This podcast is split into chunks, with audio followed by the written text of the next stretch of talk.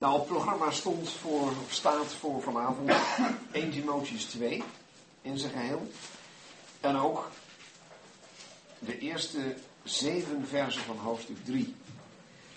Ik stel voor dat we dan eerst uh, gaan lezen. Ik vermaan dan allereerst dat smekingen, gebeden, voorbiddingen en dankzeggingen gedaan worden voor alle mensen, voor koningen en alle hooggeplaatsten, opdat wij een rustig en stil leven leiden in alle godsvrucht en eerbaarheid. Dit is goed en aangenaam voor God, onze heiland, die wil dat alle mensen behouden worden en tot kennis van de waarheid komen. Want er is één God en één middelaar tussen God en mensen, de mens Christus Jezus, die zichzelf gegeven heeft tot een losprijs voor allen, volgens getuigenis op zijn eigen tijd, waartoe ik gesteld ben als prediker en apostel. Ik zeg de waarheid, ik lieg niet, als leraar van de volken in geloof en waarheid. Ik wil dan dat de mannen in elke plaats bidden met opheffing van heilige handen, zonder toorn en twist. Evenzo dat ook vrouwen zich tooien in waardige kleding met bescheidenheid en ingetogenheid. Niet met haarvlechten en goud of parels of kostbare kleding, maar zoals het vrouwen die beleiden Godvrezend te zijn, door goede werken. Een vrouw moet zich stil in alle onderdanigheid laten leren, maar ik sta een vrouw niet toe dat zij leert of over een man heerst, maar zij moet stil zijn, want Adam is eerst geformeerd, daarna Eva. En Adam werd niet verleid, maar de vrouw werd verleid en viel in overtreding. Maar zij zal bewaard blijven tijdens het ter wereld brengen van kinderen, als zij blijven in geloof, liefde en heiliging met ingetogenheid. Het woord is betrouwbaar. Als iemand streeft naar het opzienerschap, begeert hij een goed werk. De opziener dan moet onberispelijk zijn, man van één vrouw, nuchter, ingetogen, waardig, gastvrij, geschikt om te leren, geen drinker, geen vechter, maar inschikkelijk, niet twistziek, niet geldzuchtig, iemand die zijn eigen huis goed bestuurt, zijn kinderen in de onderdanigheid houdt met alle eerbaarheid. Maar als iemand zijn eigen huis niet weet te besturen, hoe zal hij zorg dragen voor de gemeente van God? Geen pas bekeerde, opdat hij niet, hoogmoedig geworden, in hetzelfde oordeel als de duivel valt. En hij moet ook een goed getuigenis hebben van hen die buiten zijn, opdat hij niet in opspraak komt en in de strik van de duivel valt. Ja, tot hiertoe zouden we lezen. We zijn niet eens helemaal rondgekomen, dus ik had het niet helemaal goed uitgerekend. Um, ja, in Brunsum hebben we op de huiskring wel eens een gedeelte. En omdat we dan met minder zijn dan nu, laat ik wel eens drie versen lezen per persoon. Dat gaat dus altijd mis. Er zijn altijd mensen die dan de draad, of de tel liever gezegd, kwijtraken te veel of te weinig lezen en dan wacht de andere weer of het nog hersteld wordt. Dat is altijd de prijs. Goed, um, ja, dit is best een apart gedeelte. En toen we hier een titel voor moesten bedenken, toen heb ik Hans de suggestie gedaan om dit te noemen iets als um, gevarieerd en divers onderwijs. Dus iets wat daarop lijkt. Omdat het over, als je het zo bij elkaar leest, over nogal uiteenlopende onderwerpen gaat. Um, we hebben iets gelezen over bidden. En het doel daarvan. We hebben gelezen hoe mannen dat behoren te doen. We hebben iets gelezen over vrouwen. Wat ze vooral wel en wat ze vooral niet moeten doen. En waarom. En we hebben iets gelezen over opzieners. Nou, je zou kunnen zeggen, als je het kwaad zou willen zeggen, um, we hebben op zijn minst over twee hete hangijzers gelezen. Maar ik zie het helemaal niet als hete hangijzers maar zo wordt het wel gezegd. Dat zou kunnen gaan over de rol van de vrouw en over de kwestie van ambten. Maar je kunt er heel ontspannen en rustig tegen aankijken en het gewoon zien als opbouwend onderwijs van de apostel. We hebben gezien dat hij in hoofdstuk 2, vers 1 zegt: Ik vermaan dan allereerst. Nou, dat dan geeft aan dat het een conclusie is uit het voorafgaande. En daar heeft Paulus een aantal keren gesproken over een bevel over bevelen. Bijvoorbeeld ehm, aan het eind van 1 vers 3. Uh, in vers 5 het doel nu van het bevel. Uh, hij wil in dat eerste hoofdstuk al een aantal dingen heel duidelijk vaststellen. En zegt ook iets over mensen die, eh, die in dit opzicht de verkeerde keuzes gemaakt hebben. En die dus aan dat bevel niet hebben gehouden. En aan het eind van het hoofdstuk aangaande het geloof schipbreuk hebben geleden. Op wie zelfs een hele trieste tuchtmaatregel moest worden uitgeoefend. Nou, het is alsof Paulus zegt van oké, dan zal ik nu uh, beginnen met uh, datgene wat me op het hart ligt aan Timotheus en via hem aan degene die onder zijn hoede staan door te geven. Ik zal even wachten.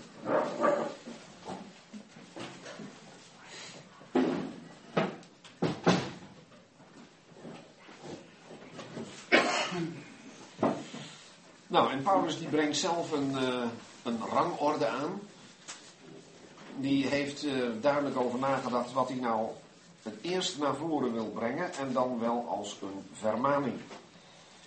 En dat is niet een vermaning alleen aan Timotheus, want hij spreekt in algemene zin. Hij zegt ook niet, ik vermaan dan allereerst dat jij smekingen, gebeden, voorbiddingen en dankzeggingen doet voor alle mensen. Nee, hij zegt, ik vermaan dan allereerst, dat zet ik voor aan op mijn lijstje, dat smekingen, gebeden, voorbiddingen en dankzeggingen gedaan worden, gedaan worden dus in zijn algemeenheid, voor en dan krijg je voor wie. Oftewel, de apostel vindt bidden belangrijk. En dat vonden de apostelen, uh, de twaalf, die vonden dat ook. Als we bijvoorbeeld even naar Handelingen 6 uh, kijken, maar er valt niet aan te ontkomen dat we af en toe even bladeren. In Handelingen 6, daar staat aan het begin van het hoofdstuk uh, iets over problemen in Jeruzalem met, laten we zeggen, de weduwenzorg. En dat ging zoveel tijd vragen dat de discipelen, de apostelen, op een gegeven moment daar uh, te veel tijd in moeten steken. En dan zien we dat ze op een gegeven moment zeggen in Handelingen 6, vers 2, tweede regel, oh nee, laat ik gewoon bij het begin beginnen van Handelingen 6, vers 2. De twaalf nu riepen de menigte van de discipelen bijeen en zeiden: Het is niet bevredigend dat wij het woord van God nalaten en de tafels dienen. Dan zou je kunnen zeggen: ze vinden dat ze geen tijd hebben om te prediken of om te studeren in de schrift. Maar dat is de helft van het verhaal, want er staat in vers 3: Ziet u uitroepers, naar zeven mannen uit u, met een goed getuigenis, vol van de geest en van wijsheid, die wij over deze zaak zullen stellen. En nou komt het. Wij echter zullen volharden in het gebed en in de bediening van het woord. Met andere woorden, de bediening van het woord, de prediking, die wordt zeker genoemd, nu al voor de tweede keer in dit kleine stukje, maar in de praktische werkzaamheid daaraan zie je dat het gebed eraan uh, vooraf gaat. En dat is kennelijk ook de goede volgorde, want het werkt. In vers 7 staat, en het woord van God nam toe. Dus de vrucht op de prediking, die nam toe. En het getal van de discipelen in Jeruzalem vermeerderde zeer. En dan een onverwachte grote zegen staat er dan nog achteraan. En een grote menigte van de priesters werd gehoorzaam aan het geloof. Dus bidden, dat vonden niet alleen de twaalf belangrijk. Eerst het woord, uh, het, gebed en dan de bediening van het woord. Maar dat vond ook Paulus. En hij zegt, bidden is niet koekoek één zang, één type gebed. Nee, gebeden in alle mogelijke uh, vormen. Hij spreekt over smekingen, gebeden. Dan zou je nog kunnen denken aan wat je uh, in bepaalde mate voor jezelf vraagt, wat je afsmeekt, waar je voor bidt. Maar heel duidelijk kom je al op het terrein van de naaste, het bidden voor anderen, als het sprake is van voorbiddingen. Dan kom je echt tussen beiden voor een ander, zoals Mozes bad voor het volk. En dankzeggingen. Dankzeggingen staan hier in de laatste plaats. Ehm, als Paulus over het bidden spreekt, ik ga die teksten niet lezen, kan altijd nog in de brief aan de Filippiërs en aan de Colossers, dan wordt bij het bidden standaard ook het danken genoemd. En dat ook in het meervoud. Niet alleen de gebeden in het meervoud, ook de dankzegging. Uh, het, het, bekende uh, stukje geschiedenis uit Handelingen, uh, ik meen hoofdstuk 12, dan is de gemeente in gebed voor Petrus die in de gevangenis zit. Er werd een vurig gebed voor hem door de gemeente tot God gedaan. En dan wordt het verhoord en de arme stumper die blijft kloppen. Er komt een dienstmeisje naar buiten, die vertelt, Petrus staat voor de deur. Men zegt, jij kletst. En dan staat er verder in alle nuchterheid, Petrus nu bleef kloppen.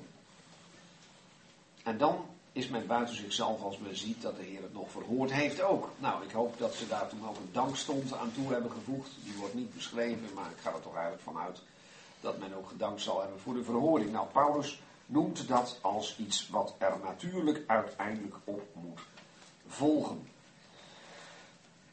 Bij dat bidden en dat danken moeten we niet een te benauwde blik hebben.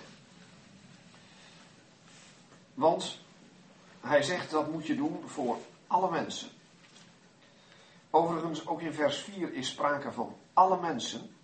En als het gaat om het werk van de Heer Jezus in vers 6 is sprake van allen. Paulus heeft een hele ruime blik. Het evangelie is universeel. En ook de werking van God is wereldwijd. En ook in ons bidden mogen wij wel degelijk denken aan alle mensen. En dan geeft Paulus een voorbeeldje van waar je dan aan zou kunnen denken. Voor koningen en alle hooggeplaatsten. Er zijn mensen die eh, in hun uitleg van dit Bijbelboek schrijven.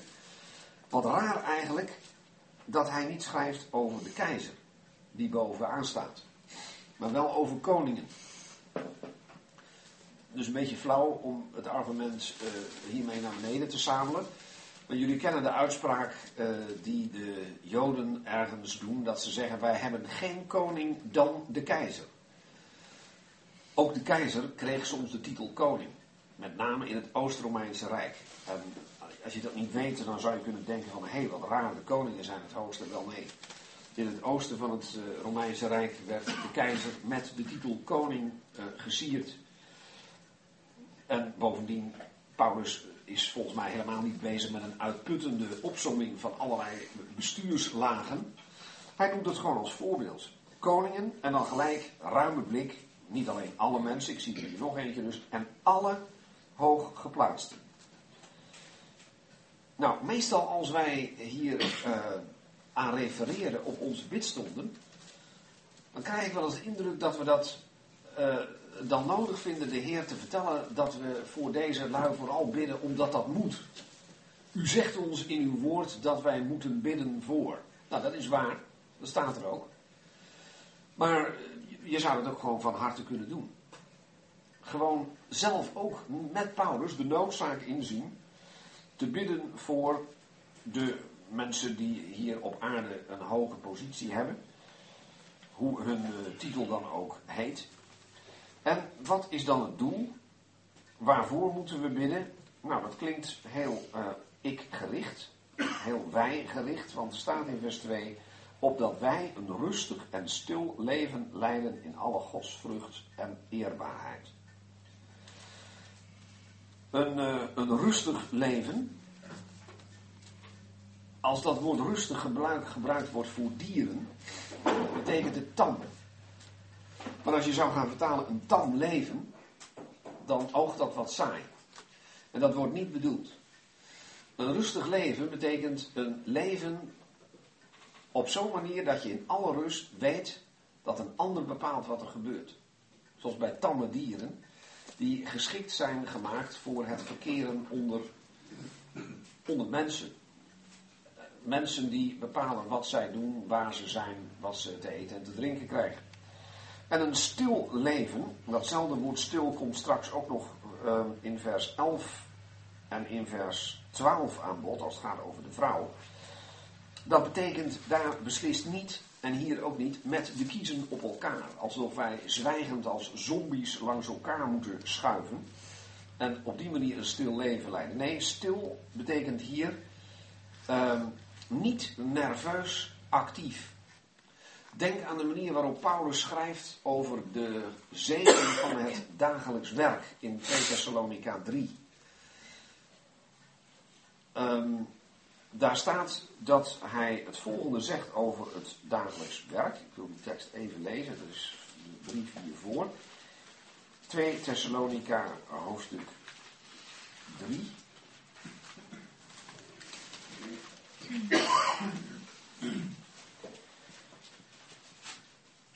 Daar worden we geacht niet ongeregeld te wandelen. Uh, dan zit ik even naar het vers te kijken. Um, Vers 12. Ja, precies. Uh, zoeken mensen nu bevelen en vermanen wij in de Heer Jezus dat zij rustig werkend, dat is waar hier aan moet worden gedacht, hun eigen brood eten. Rustig betekent op zo'n manier dat ze niet dingen doen die ongepast zijn. Dat ze hun tijd verkeerd gebruiken. Rustig betekent ook hier zich schikkend onder het gezag van een ander. En niet in het wilde weg activiteit ontplooiend. Het betekent dus ook niet dat je niet stevig de handen uit de mouwen steekt bij dat werk. Maar best hard werken. Dan voldoe je ook aan wat hier staat. Nou, dat is dat leven waar wij uh, voor uh, mogen bidden. Als we ons tot de Heer richten met het oog op die mensen die een hoge positie hebben. Want dan bereiken we, dan hebben we als doel bij dat gebed dat wij als gelovigen een leven leiden waarin we rekening houden met het feit dat we niet uh, het hoogste gezag zijn. En dat we activiteiten ontplooien die gestuurd worden door een andere instantie dan wij zelf. Nou, dat zou in de ogen van sommigen een leven kunnen zijn dat toch een beetje ja, geheime agentachtig is. Eh, niet te veel opvallen, vooral een beetje stiekempjes je weggaan. Nou, om die gedachte te voorkomen, heeft de apostel erachteraan gezet in alle godsvrucht en eerbaarheid. Nu niet alle mensen of allen, maar wel alle godsvrucht en eerbaarheid. Met andere woorden, gelijk gaan voor het maximum aan godsvrucht. En godsvrucht, daar zullen we over nadenken nog in het uh, derde hoofdstuk. Want daar is een heel mooi vers dat ik alvast even zal laten zien. nou, om echt te leren wat godsvrucht is. En dat is in 1 Timotheus 3, uh, vers 16. Daar staat, en ongetwijfeld groot is de verborgenheid van de godsvrucht. Dan denk je, nou, nou krijgen we het geheim van de godsvrucht. En waar gaat hij dan over schrijven vervolgens? Hoe leer je dat geheim van die godsvrucht? Van een leven leiden in eerbied voor God. En dan gaat hij de Heer Jezus beschrijven. Dus hij komt zelf, de apostel, later op dit woord terug. Maar nu zegt hij al, als je op de juiste manier je tot God richt en je bidt voor de overheden, dan mag je dat doen met het doel dat wij een rustig en stil leven leiden. Maar denk eraan, dan heb je juist alle gelegenheid om je te richten op alle godsvrucht en eerbaarheid. En dat dat gebed niet alleen, maar ook dat leven, dat is goed. En het is aangenaam voor God onze heiland. Nou zijn er mensen die zeggen, en dat is op zich niet zo gek, dat dit is goed. Dat ze zeggen, um, omdat het namelijk eventjes verderop in vers 4 verder gaat over alle mensen. Die zeggen, en daar hebben ze denk ik wel een punt, je moet dat woordje dit in vers 3 niet direct laten terugslaan op dat leven of op die godsvrucht en eerbaarheid, maar op dat bidden voor alle mensen. Want die alle mensen worden in vers 4 opnieuw genoemd, oftewel de apostel neemt de draad weer op. En dat zinnetje daartussenin, dat we net gelezen hebben, is ook letterlijk een tussenzinnetje. Waarom moeten we bidden voor alle mensen? Nou, inderdaad voor die koning en hoge plaatsen met als doel dat wij een een rustig en stil leven leiden. Maar bid alsjeblieft ook met het oog op het behoud van die mensen zelf. Dat zou je hieruit kunnen afleiden. Voor alle mensen, jazeker, want er is een God die een reddende God is, een heiland, die wil dat alle mensen behouden worden en tot kennis van de waarheid komen. Nou, mij is van jongs af aan verteld, en hier ongetwijfeld ook, dat dat niet twee keer hetzelfde is. Behouden worden is één ding, tot kennis van de waarheid komen is iets anders. Behouden worden, dat begrijpen we. Als we bidden voor het behoud van mensen, dan bidden we dat mensen de Heer Jezus aannemen als hun redder en Hem als die heiland erkennen. Maar dat tot kennis van de waarheid komen gaat verder. Dat is de totale geopenbaarde waarheid van God. Het is echt een misverstand te denken dat dit alleen maar zou gaan op of over het samenkomen. Zo heb ik het namelijk wel horen uitleggen. Zo, dit is pas voor elkaar als men niet alleen de Heer Jezus heeft aangenomen, maar ook, laten we maar gewoon even zeggen, aan de broodbreking deelneemt na gedoopt te zijn. Dan is het voor elkaar. Nee, dan is het niet voor elkaar. Natuurlijk hoort dat erbij en is dat belangrijk. Dat zal ik nooit uh, ontkennen, in tegendeel.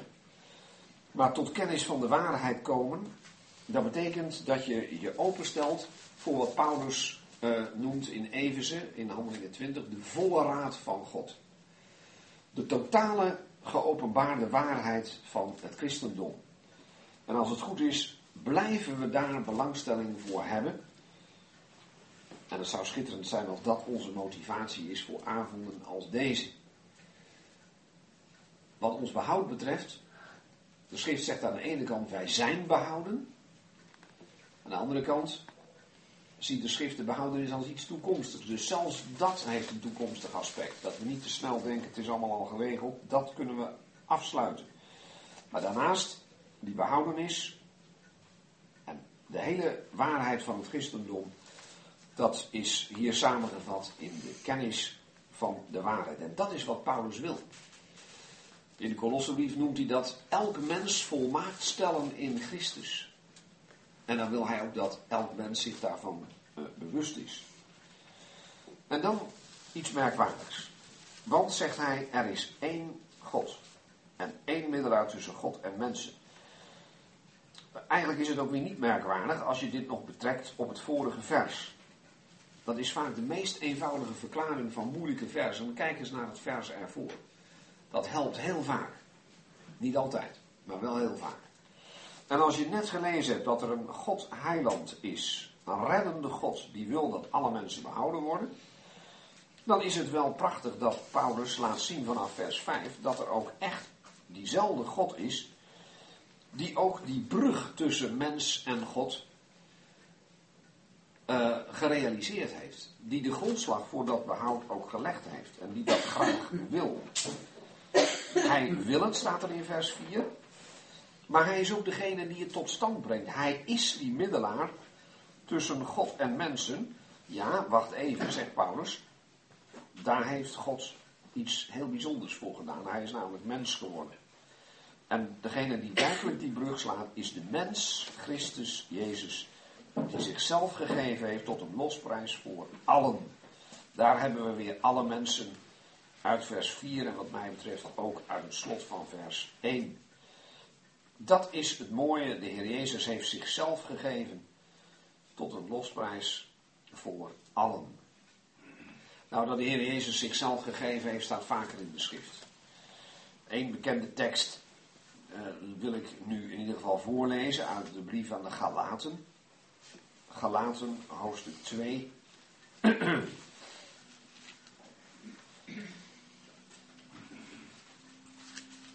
Vers 20. Ik ben met Christus gekruisigd en ik leef niet meer, maar Christus leeft in mij. En wat ik nu leef in het vlees, leef ik door het geloof in de Zoon van God. En nou komt wat ik bedoel. Die mij heeft liefgehad en zichzelf voor mij heeft overgegeven. Dus enerzijds zich gegeven, zich overgegeven voor alle mensen. 1 Timotheus 2. En hier helemaal het andere uiterste, zeer persoonlijk zich overgegeven voor mij.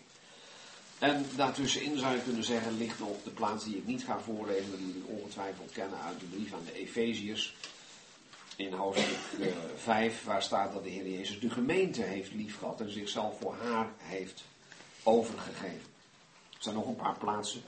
Maar dat is toch wel iets heel moois wat hier staat. En ja, als je jezelf geeft, als ik iets geef aan iemand, bijvoorbeeld deze Bijbel. Zijn Bas heeft de stichting de Nederlandse Gideons bij ons voor de school Bijbels uitgedeeld. Nou, dat is prachtig dat dat gebeurd is. Maar elke Bijbel die ze geven moet wel van de voorraad worden afgeboekt. Die hebben ze niet meer. Die is van eigenaar veranderd. En als ik iets bezit, kan ik het ook geven. Maar het unieke is dat van de Heer Jezus staat dat hij zichzelf heeft gegeven. Zichzelf overgegeven, staat op andere plaatsen. Dat kunnen wij niet begrijpen. Maar de Heer heeft zich wel 100% beschikbaar gesteld. 100% ingezet voor de eer van God. Maar ook voor de redding van ons. Tot een losprijs voor allen. En dat kun je ook lezen als een losprijs in plaats van allen. Dit is echt een prachtige tekst die iets zegt over het plaatsvervangend lijden van de Heer. Die prijs is groot genoeg om ons allen samen, maar ook ieder persoonlijk uh, los te kopen. Hier is nog eens los geld betaald. Niet in het geheim, zoals in onze tijd vaak moet gebeuren. Het wordt ook niet ontkend, zoals in onze tijd vaak gebeurt. De overheid wil niet weten dat er losgeld is betaald. Hier staat het er wel. En iedereen moet het juist weten, want er staat dat het gebeurd is volgens het getuigenis op zijn eigen tijd. Eigenlijk is dat meervoud. Heel merkwaardig. Uh, als ik het goed lees, betekent dat dat daarvan op weet ik hoeveel gepaste tijden getuigenis van is gegeven.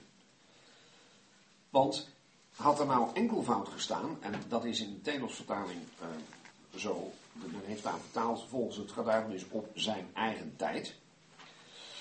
Dan zou je kunnen denken dat dit slaat op een getuigenis dat afgelegd is omtrent de tijd dat hij dit ook deed. Dus op het moment van de kruisiging.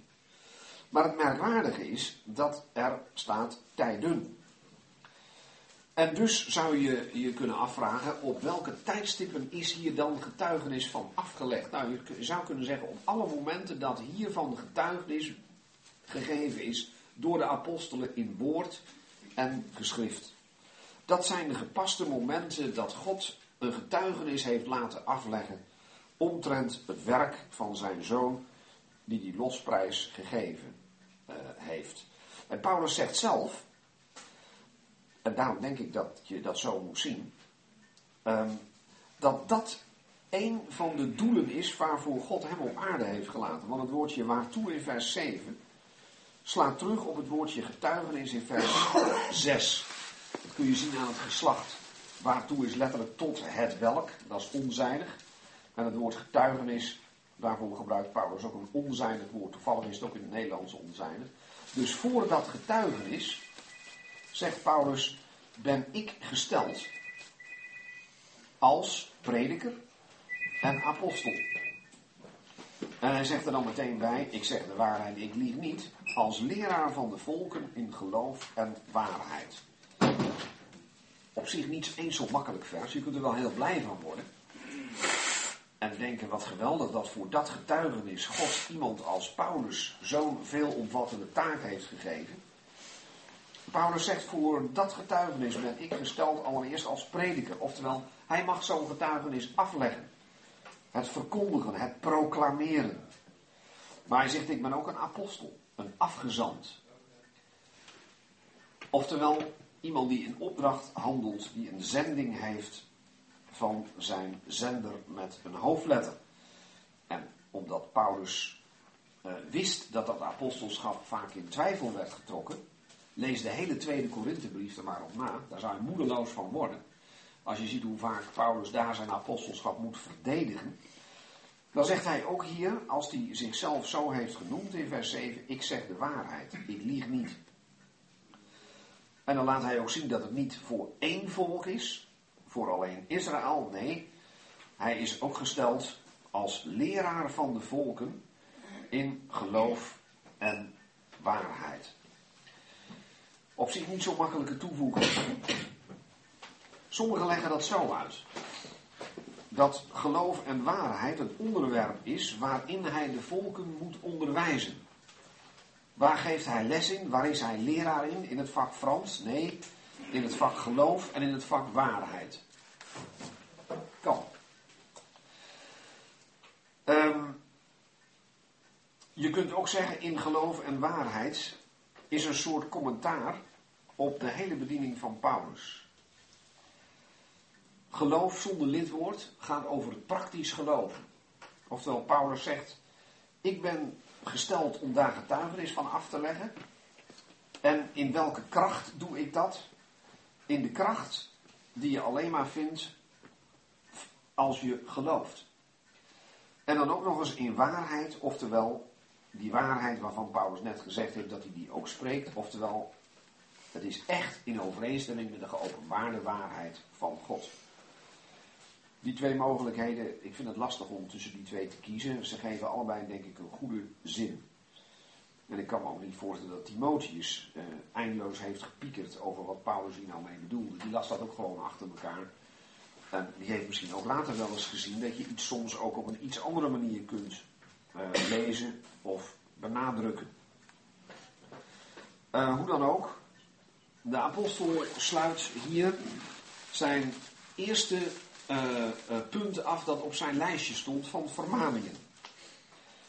Want in hoofdstuk 2, vers 1 begon hij met: Ik vermaan dan. Nu komt er een tweede onderwerp dat hem ook na aan het hart ligt. En kennelijk was er in dat opzicht iets te corrigeren. Veel onderwerpen die Paulus aan de orde stelt zijn uh, aanwijzingen die voortvloeien uit gedrag dat nog niet helemaal was zoals het wezen moest. En laten we er maar blij om zijn. Want daardoor weten wij vaak van veel dingen hoe de apostel erover dacht en wat dus ook voor ons maatgevend is. Vers 8 is heel vaak verkeerd gelezen. Men leest het vaak zo. Ik wil dan dat de mannen in elke plaats bidden. En soms kijkt men dan triomfantelijk rond en dan zegt men, en dus niet de vrouwen. Nou, ik zeg niet dat ze dat wel moeten doen, maar het is niet het onderwijs van dit vers. Want wat Paulus niet zegt is nu eens gaan introduceren dat het nou voortaan toch echt alleen maar die mannen zijn. Nee, hij zegt ik wil dan dat de mannen in elke plaats bidden met opheffing van heilige handen. Het gaat niet over het feit dat ze bidden, maar de manier waarop, of liever de gezindheid waarin ze dat doen. Want daar gaat hij namelijk op door. Hij zegt het moet een als je dan toch, eh, laat ik het zo zeggen, je mag het ook niet lezen als een opdracht om met opgeheven handen te bidden. Er is niks mis mee om dat te doen. In Paulus' tijd bad men vaak zo, handen letterlijk naar boven of met de handpalmen naar boven, om te laten zien, kijk die handen zijn leeg.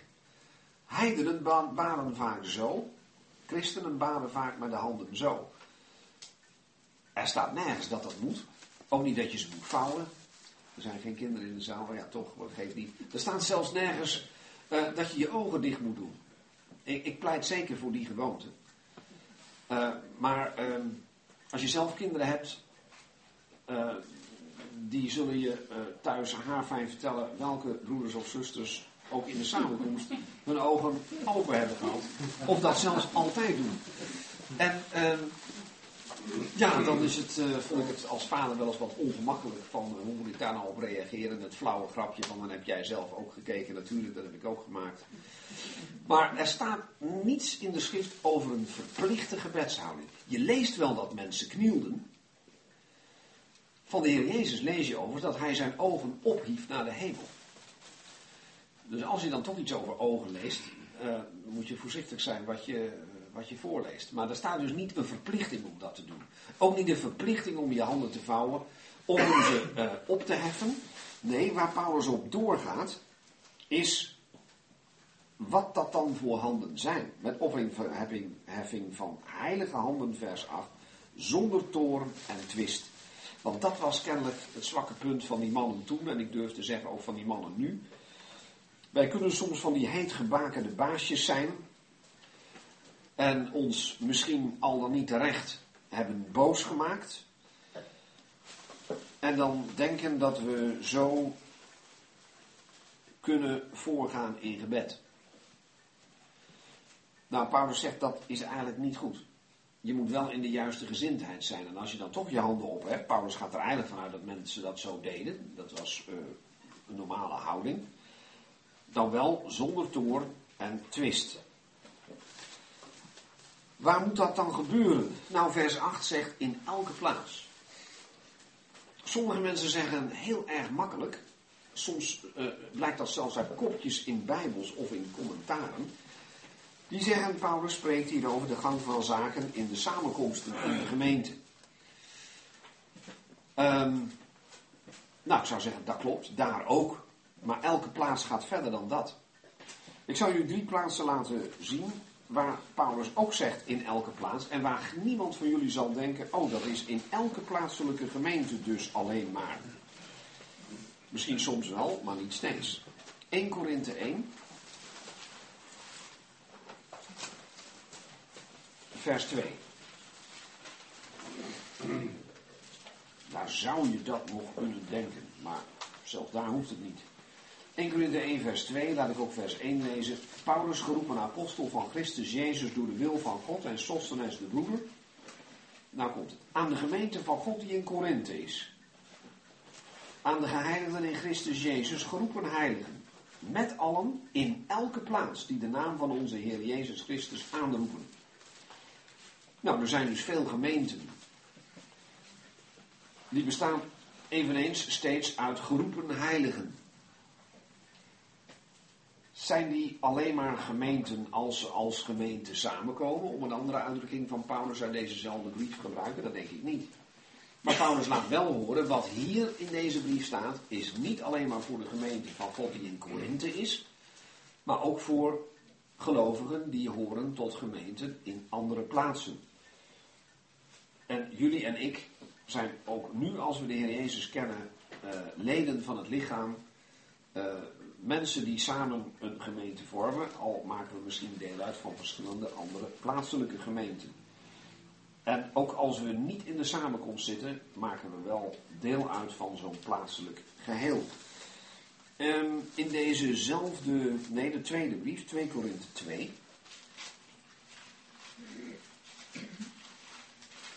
2 Korinthe, hoofdstuk 2, vers 14. 2 Korinthe 2, vers 14. En God zij dank, die ons altijd in triomf omvoert in Christus en de reuk van zijn kennis door ons openbaar maakt op elke plaats. Dat betekent dus gewoon overal. Nog één. 1 Thessalonica 1. 1 Thessalonica 1. Vers 3.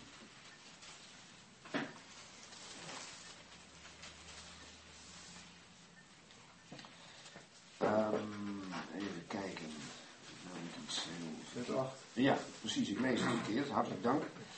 Um, ja, het is inderdaad het vers wat ik bedoel. 1 Thessalonica 1 vers 8. Want van u uit, zegt Paulus tot de gelovigen daar, heeft het woord van de Heer weer klonken. Niet alleen in Macedonië en in Achaïe, maar in elke plaats is uw geloof jegens God uitgegaan. Nou, hier zou het helemaal vreemd zijn om te denken dat elke plaats betekent elke plaatselijke gemeente, laat staan elke plaatselijke gemeente die als gemeente op dat moment samenkomt. Conclusie, Paulus spreekt veel vaker dan hier over elke plaats. En als hij zegt in elke plaats, zou ik niet weten waarom dat niet gewoon betekent overal. Overal, als daar mannen voorgaan in gebed, en het lijkt me inderdaad dat de apostel er gewoon van uitgaat dat het de mannen zijn die dat doen, maar dat gebiedt hij hier niet, daar gaat hij van uit. Dan zegt hij wel, beste broeders, beste mannen, als je dan toch die handen opheft naar de Heer, laten het dan heilige, in de zin van aan God toegewijde handen zijn. Dit is een ander woord voor heilig dan afgezonderd. Dit is het woord heilig dat toegewijd betekent. Vroom, toegewijd. Zonder toorn en twist, zonder boosheid en ruzie. Dat is wat de zwakheid van de mannen betreft, waar de apostel zegt, daar heb ik een bepaalde wil over, dat wil ik. Wat de vrouwen betreft, komt hij met iets heel anders aanzetten. En het is echt fout om te gaan zeggen dat hij in vers 9 zegt hoe de vrouwen dan moeten bidden. Nee. Ik wil, vers 8, dat de mannen op een bepaalde manier bidden. En evenzo wil ik, zo van met evenveel kracht spreek ik als mijn wil uit, nu is heel anders, dat de vrouwen, nou dan komt er niet een werkwoord bidden, maar een werkwoord zich tooien. De zwakheid van de mannen was dat ze te makkelijk dachten dat ze wel konden voorgaan in gebed. En misschien moet ik zeggen, denken dat ze wel kunnen voorgaan in gebed. Zonder dat hun praktisch leven op dat moment met die activiteit in overeenstemming is. En kennelijk is de zwakheid van vrouwen dat ze mogelijk de neiging hebben het accent te leggen op datgene waar het accent niet op zou moeten liggen. En dat is het uiterlijk. Paulus spreekt over de kleding. Dat moet zijn met bescheidenheid en ingetogenheid.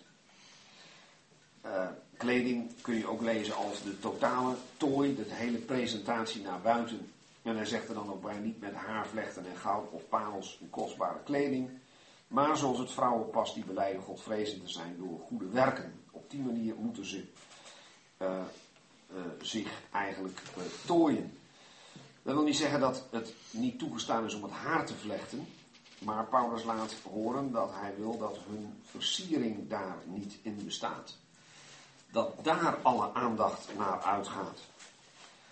En dat zou je wel kunnen bereiken als je daar een hele uh, kunstwerk van maakt en daar ook nog eens goud of parels in verwerkt of kostbare kleding. Nee, Paulus spreekt over waardige kleding in vers 9. En wat mag dan wel naar buiten komen? Waar mag dan wel het accent op liggen? Nou, zegt de apostel, als je dan toch iets zoekt om naar buiten toe uh, aandacht te trekken, dan niet je uiterlijke uh, persoon, maar je goede werken. En dan nog iets, een beetje heet hangijzer tegenwoordig. Een vrouw, zegt hij dan vervolgens, komt hij met een, iets wat hij ook belangrijk vindt, moet zich stil in alle onderdanigheid laten leren. Maar ik sta aan een vrouw niet toe dat ze leert in de zin van onderwijs geeft, of, eigenlijk staat er, en ook niet, dat ze over een man heerst, maar ze moet stil zijn. Nou, we twee keer het woord stil gelezen. En dat zou een misverstand kunnen wekken dat het hier gaat over het zwijgen in de gemeente. Dat is een ander begrip, een ander woord. Ik heb al laten horen dat ik niet geloof dat dit moet worden beperkt tot de gemeente. Het gaat over elke plaats in vers 8. En op elke plaats geldt, zowel voor de man wat we gelezen hebben, als ook voor de vrouw wat we gelezen hebben. Zou het te gek zijn als we denken dat mannen buiten de samenkomst wel hun handen met toorn en twist mogen opheffen. Of dat buiten de samenkomsten de vrouwen zich wel opzichtig zouden mogen kleden. Nee, dit geldt gewoon altijd en overal. En dat stil betekent hier letterlijk in rust. In rust tegenover wanorde of tegenover activiteit. In zo'n setting als we hier vanavond hebben bijvoorbeeld, zou niemand het vreemd vinden als ook een zuster iets uit de schrift voorleest, wanneer we zo de kring rondgaan. Of straks in het eh, tweede deel na de pauze iets vraagt of iets zegt, iets meedeelt. Maar ik hoop dat we het wel vreemd vinden als we dat zouden doen in de gemeentelijke samenkomst. Want dan zegt Paulus uitdrukkelijk in 1 Corinthië 14 vers 34 dat het daar niet moet. Maar daar spreekt hij ook over zwijgen. En nou kun je natuurlijk op grond van het Nederlands denken, wacht even, zwijgen, hier staat stil zijn, dat is precies hetzelfde. Ja, dat is eigenlijk het jammere van de vertaling. Als we ooit de Tedelsvertaling zouden herzien, uh, zouden we hier denk ik of een ander woord kiezen of er een duidelijke voetnoot bij zetten die uitlegt wat dat woord stil hier betekent. En um, dus stil in de zin van in rust, in de houding die past uh, in een niet actieve rol. Eigenlijk legt Paulus het uit in wat erachter staat. In vers 11, hoe moet een vrouw zich dan laten leren? Nou ja, stil. Dat betekent niet per se dat ze geen vraag zou mogen stellen. Want er staat achteraan in alle onderdanigheid. Maar niet de rol omdraaien, zegt de apostel, vers 12. Ik sta aan een vrouw niet toe dat ze leert, oftewel onderwijs geeft. Of, kun je ook vertalen, en ook niet, want dat doet ze namelijk als ze onderwijs geeft, over een man heerst. Maar ze moet, en dan krijgen we hetzelfde woord stil nog een keer, dat wil zeggen in rust niet actief zijn. Nou, dat is in onze tijd misschien even slikken. Wij zijn inmiddels deel van een cultuur waarin wij misschien niet direct geschokt zouden zijn. En eh, op ons werk en met collega's en zo uh, zien we soms een totaal andere uiterste. Maar dit is wel wat de apostel zegt en hij heeft er ook een reden voor. Hij zegt, want, waarom wil hij dit nu? Hij geeft niet de reden. Adam is eerst geformeerd.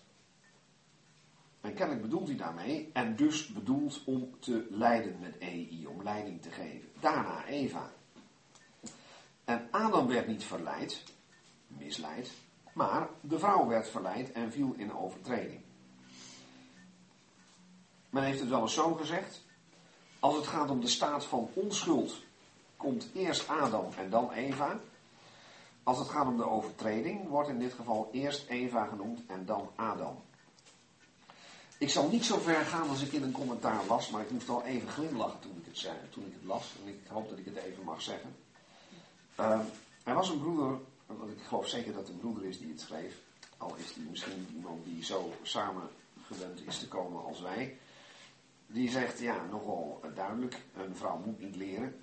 Want de allereerste keer dat een vrouw dat is gaan doen, is het meteen verschrikkelijk fout gegaan.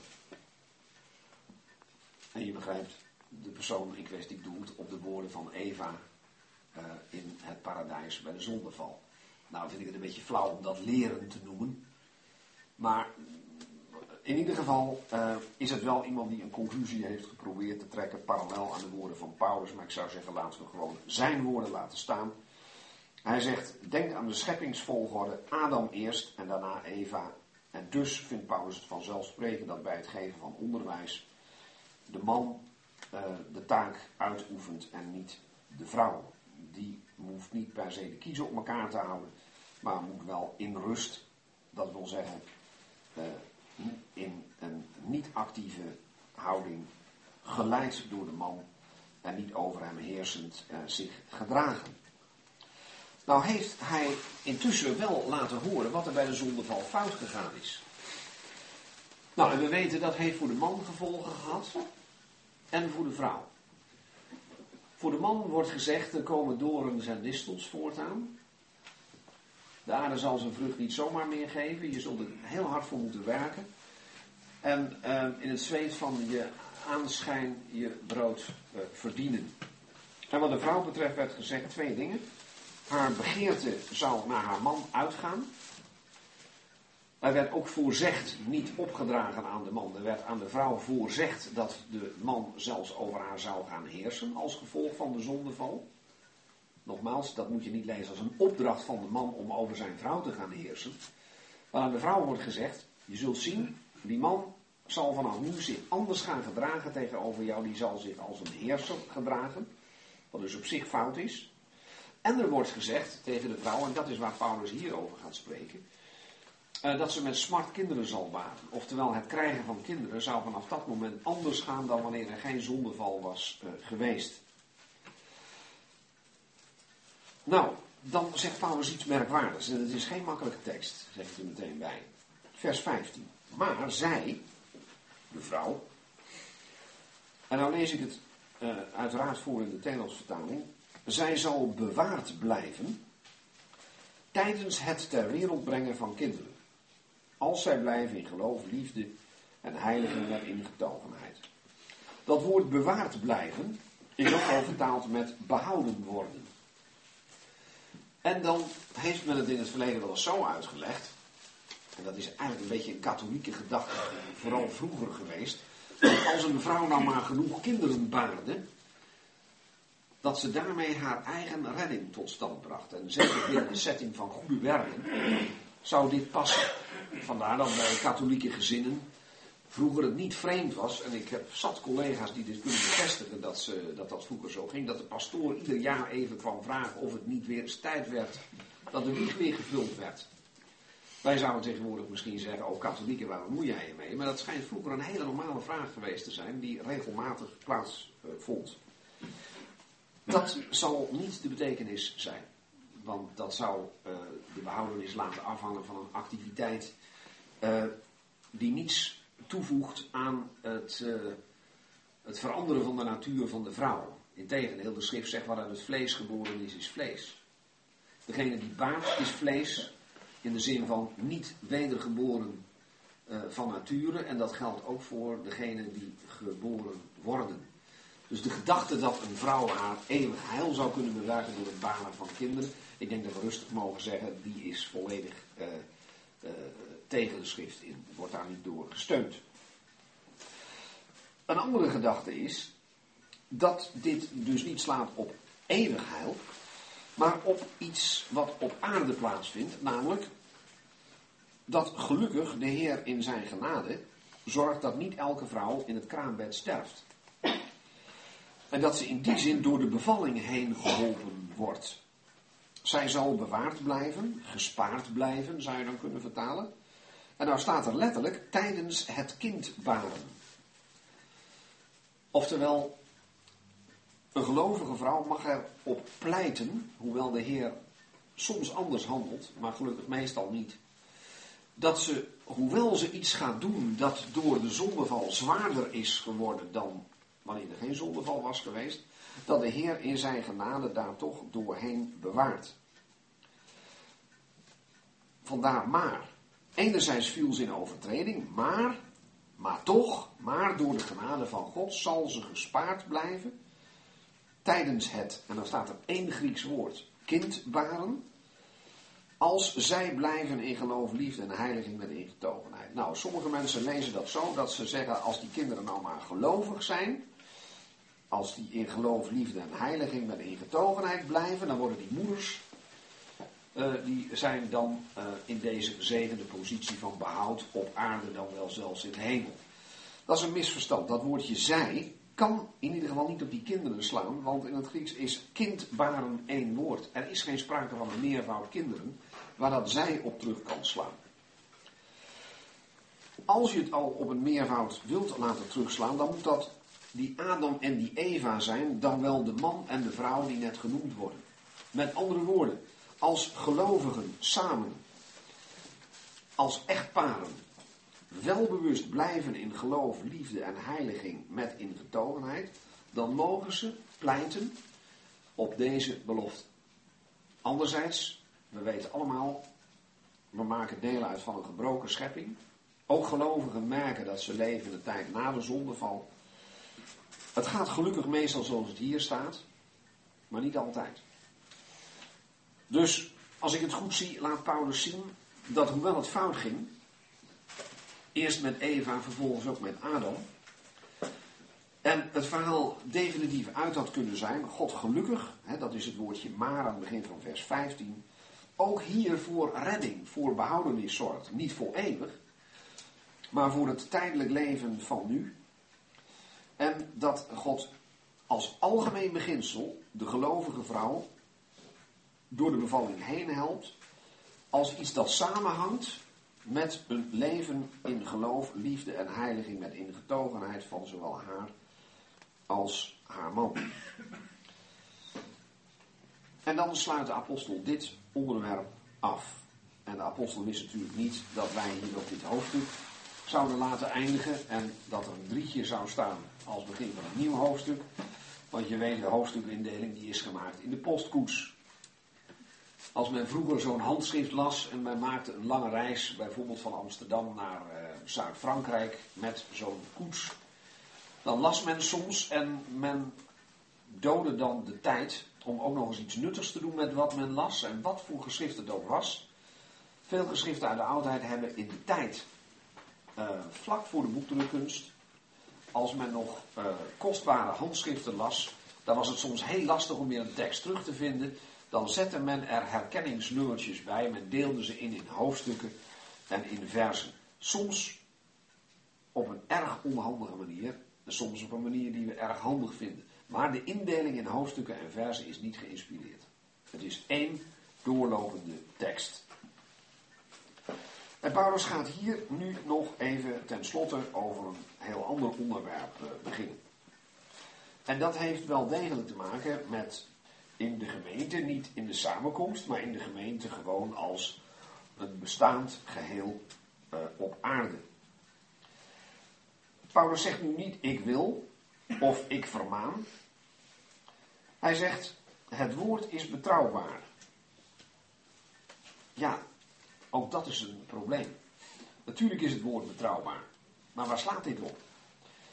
Je kunt volhouden, en er zijn vertalingen die de versen zo indelen, die zeggen dit is de manier waarop Paulus hoofdstuk 2 afsluit. Als zij blijven in geloof, liefde en heiliging met ingetogenheid. Het woord is betrouwbaar. Punt. Nieuwe regel, hoofdletter. Als iemand streeft naar een opzienerschap, en dan begint daar een nieuw onderwerp. Is. Je kunt niet bewijzen dat dat niet kan.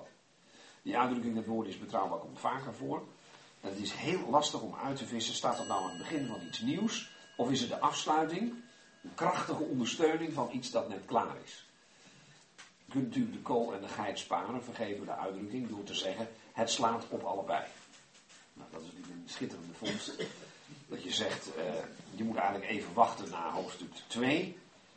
Dan lees je het woord is betrouwbaar, dan wacht je weer even.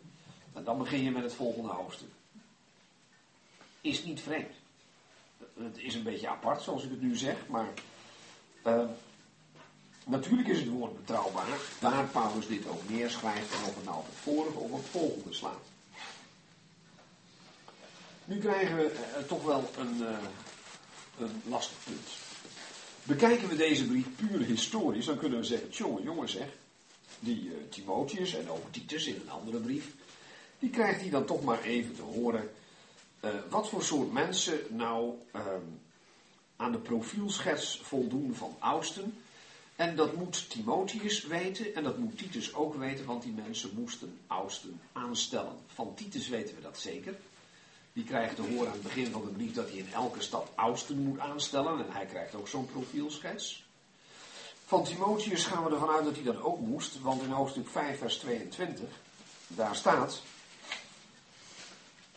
En dan is er ook alweer over oudsten gepraat. Ook over oudsten die het eventueel verkeerd doen. Maar in hoofdstuk 5, vers 22 staat: Leg niemand snel de handen op. En heb geen gemeenschap met de zonden van anderen. Dat wordt wel uitgelegd als een, uh, een zin die aangeeft dat Timotheus wel even moet kijken of ook, al is de profielschets dan oké, op het moment dat hij een oudste als zodanig gaat aanstellen, Um, dat dan ook de praktijk van het leven van uh, deze broeder uh, zo is dat hij ook openlijk met zo iemand voor de dag kan komen en hem in die functie, in dat ambt kan aanstellen. Nou, zo, zo zou je dit kunnen bekijken en denken, nou nou, dat is uh, mooi zeg, dat Timotheus zomaar te horen krijgt wat voor kwaliteit een oudste moet hebben. En als je het lijstje legt naast Titus, laten we daar gelijk even naar kijken. Timotheus, Titus.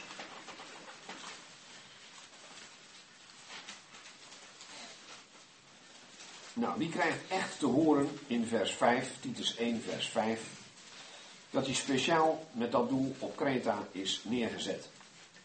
Paulus zegt tegen Titus in Titus 1, vers 5, om deze reden heb ik je op Kreta achtergelaten, opdat je het ontbrekende in orde brengt en in elke stad oudsten aanstelt, zoals ik je opgedragen heb. En dan zegt hij, zo iemand moet onstraffelijk zijn. En dan zegt hij in vers 7, want de opziener moet onstraffelijk zijn. Met andere woorden, een oudste en een opziener is hetzelfde. Ook handelingen 20 maakt dat duidelijk. Um, daar worden de oudsten geroepen, maar aangesproken als opzieners. Dus het ene zegt iets over de taak, toezicht houden, opzicht houden. En noem je ze oudsten, dan laat je iets horen over hun geestelijke rijpheid. En misschien ook kalenderrijpheid. Maar in ieder geval wat ik wou laten zien is, Titus die moet echt oudsten aanstellen en krijgt daarom zo'n lijstje. dat heel mooi spoort met het lijstje dat wij hier hebben in 1 Timotheus. Waar ik wel even op wijs dat bij Titus uitdrukkelijk staat dat er iets ontbreekt als er geen oudsten zijn. Want, Titus 1 vers 5, om deze reden heb ik je op Kreta achtergelaten opdat je het ontbreken in orde brengt. wat ontbreekt er dan? Nou, dat komt daarna. En elke stad oudsten aanstelt, zoals ik je opgedragen heb.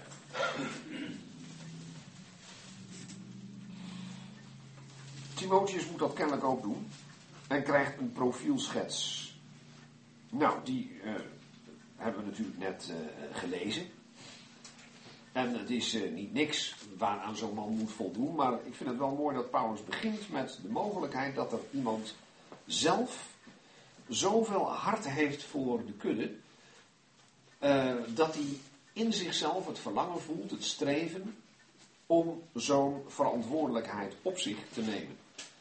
En Paulus zegt, als iemand daarna streeft, 3 vers 1, 1 Timotheus 3 vers 1, dan begeert hij een goed werk. Een voortreffelijk werk staat in sommige vertalingen. Oftewel, de klus op zichzelf is dan misschien wel heel verantwoordelijk, maar het is wel een goed werk. Iets belangrijks. Nou, wat voor soort mensen zijn nou geschikt voor dat werk? Wat moet zo'n opziener dan zijn? Overigens, er wordt altijd in het meervoud over deze mensen gesproken. De schrift kent in de gemeentes, misschien makkelijk om te onthouden, meervoudig mannelijk leiderschap. Nooit één opziener of één oudste. Altijd is er sprake van oudsten. Alleen hier gaat het even over het profiel van één zo'n persoon waar ze allemaal aan moeten voldoen dat zie je bijvoorbeeld, uh, misschien mag ik dat eerst even lezen, een bekende tekst in Handelingen 14. Handelingen 14, vers 23. Handelingen 14, vers 23. Er staat eerst dat ze een stel gemeenten waar ze ooit geweest zijn uh, versterkten en dan staat er in vers 22, tweede regel, terwijl zij hen vermaanden in het geloof te blijven. En wat zeiden ze dan nog eens een keertje bij? En dat wij door vele verdrukkingen het koninkrijk van God moeten binnengaan. En dan komt vers 23 waar ik op doelde. Nadat zij nu voor hen, en die zij zijn de apostelen, voor hen, dat is voor de gemeente, voor die gelovigen, in elke gemeente oudsten hadden gekozen, kunnen ook vertalen, hadden aangewezen, baden zij met vasten en droegen en op aan de Heer in wie zij hadden geloofd. Hoe werkt men het oudste in de tijd van het Nieuw Testament? Apostelen stelden je aan, of hun afgevaardigden deden dat, zoals Titus en zo goed als zeker ook Timotheus, in opdracht van de apostelen, als zijn afgevaardigden. Nou, nou zouden we natuurlijk kunnen zeggen. Nou, dan zijn wij uh, uh, in een hele duidelijke positie, want apostelen zijn er niet meer. En dat klopt. Er zijn ook geen mensen meer die rechtstreeks zo'n opdracht hebben gekregen van de apostel van het type Titus en Timotheus. Er is niemand meer op deze planeet die rechtstreeks van een apostel of nou Paulus, Petrus of Johannes is, een opdracht heeft gekregen om oudsten aan te stellen. Nou, dan is er soms uh, met een verbijsterend simplisme geconcludeerd, dus hebben wij geen oudsten. Terwijl men eigenlijk zou moeten denken, hoe komen er dan oudsten? En het risico, en ik heb me daar zelf ook wel uh, blind op gestaan vroeger, is dat wij ons blind staren op de vraag: uh, hoe komen er nou oudsten? En als we dan zien hoe het in het Nieuw Testament ging en we zien dat er geen apostelen meer zijn en geen afgevaardigden, dat we dan te makkelijk concluderen, dan zijn ze er dus niet meer. Nou, als dat waar was, dan zouden uh, Timotheus en Titus gewoon interessante historische documenten zijn voor lang geleden. Namelijk dat wij toevallig in een bundel historische bronnen, zijn het Nieuwe Testament, deze twee brieven hadden staan. Het zal duidelijk zijn dat ik nooit zou willen pleiten voor de gedachte van, nou, als we geen apostelen meer hebben en ook geen mensen als Timotheus en Titus, dan zijn er dus geen oudsten. Nee, want er ontbreekt wat, als die er niet zijn. Maar ik zal ook niet zeggen, nou, dan moeten we ze gewoon zelf aanstellen. Als gemeente, want dan komt het gezag namelijk van onderaf. En we hebben net gelezen, handelingen 14, vers 23, dat de apostelen ze aanstelden voor de gelovigen. En zij wezen ze aan. Kijk eens mee, als u wilt, in handelingen 20.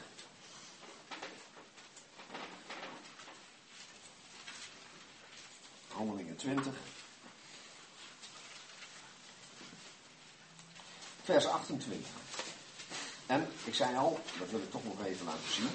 In vers 17 van Handelingen 20 staat: Hij zond van Milet een boodschap naar Everse en riep de oudsten van de gemeente bij zich.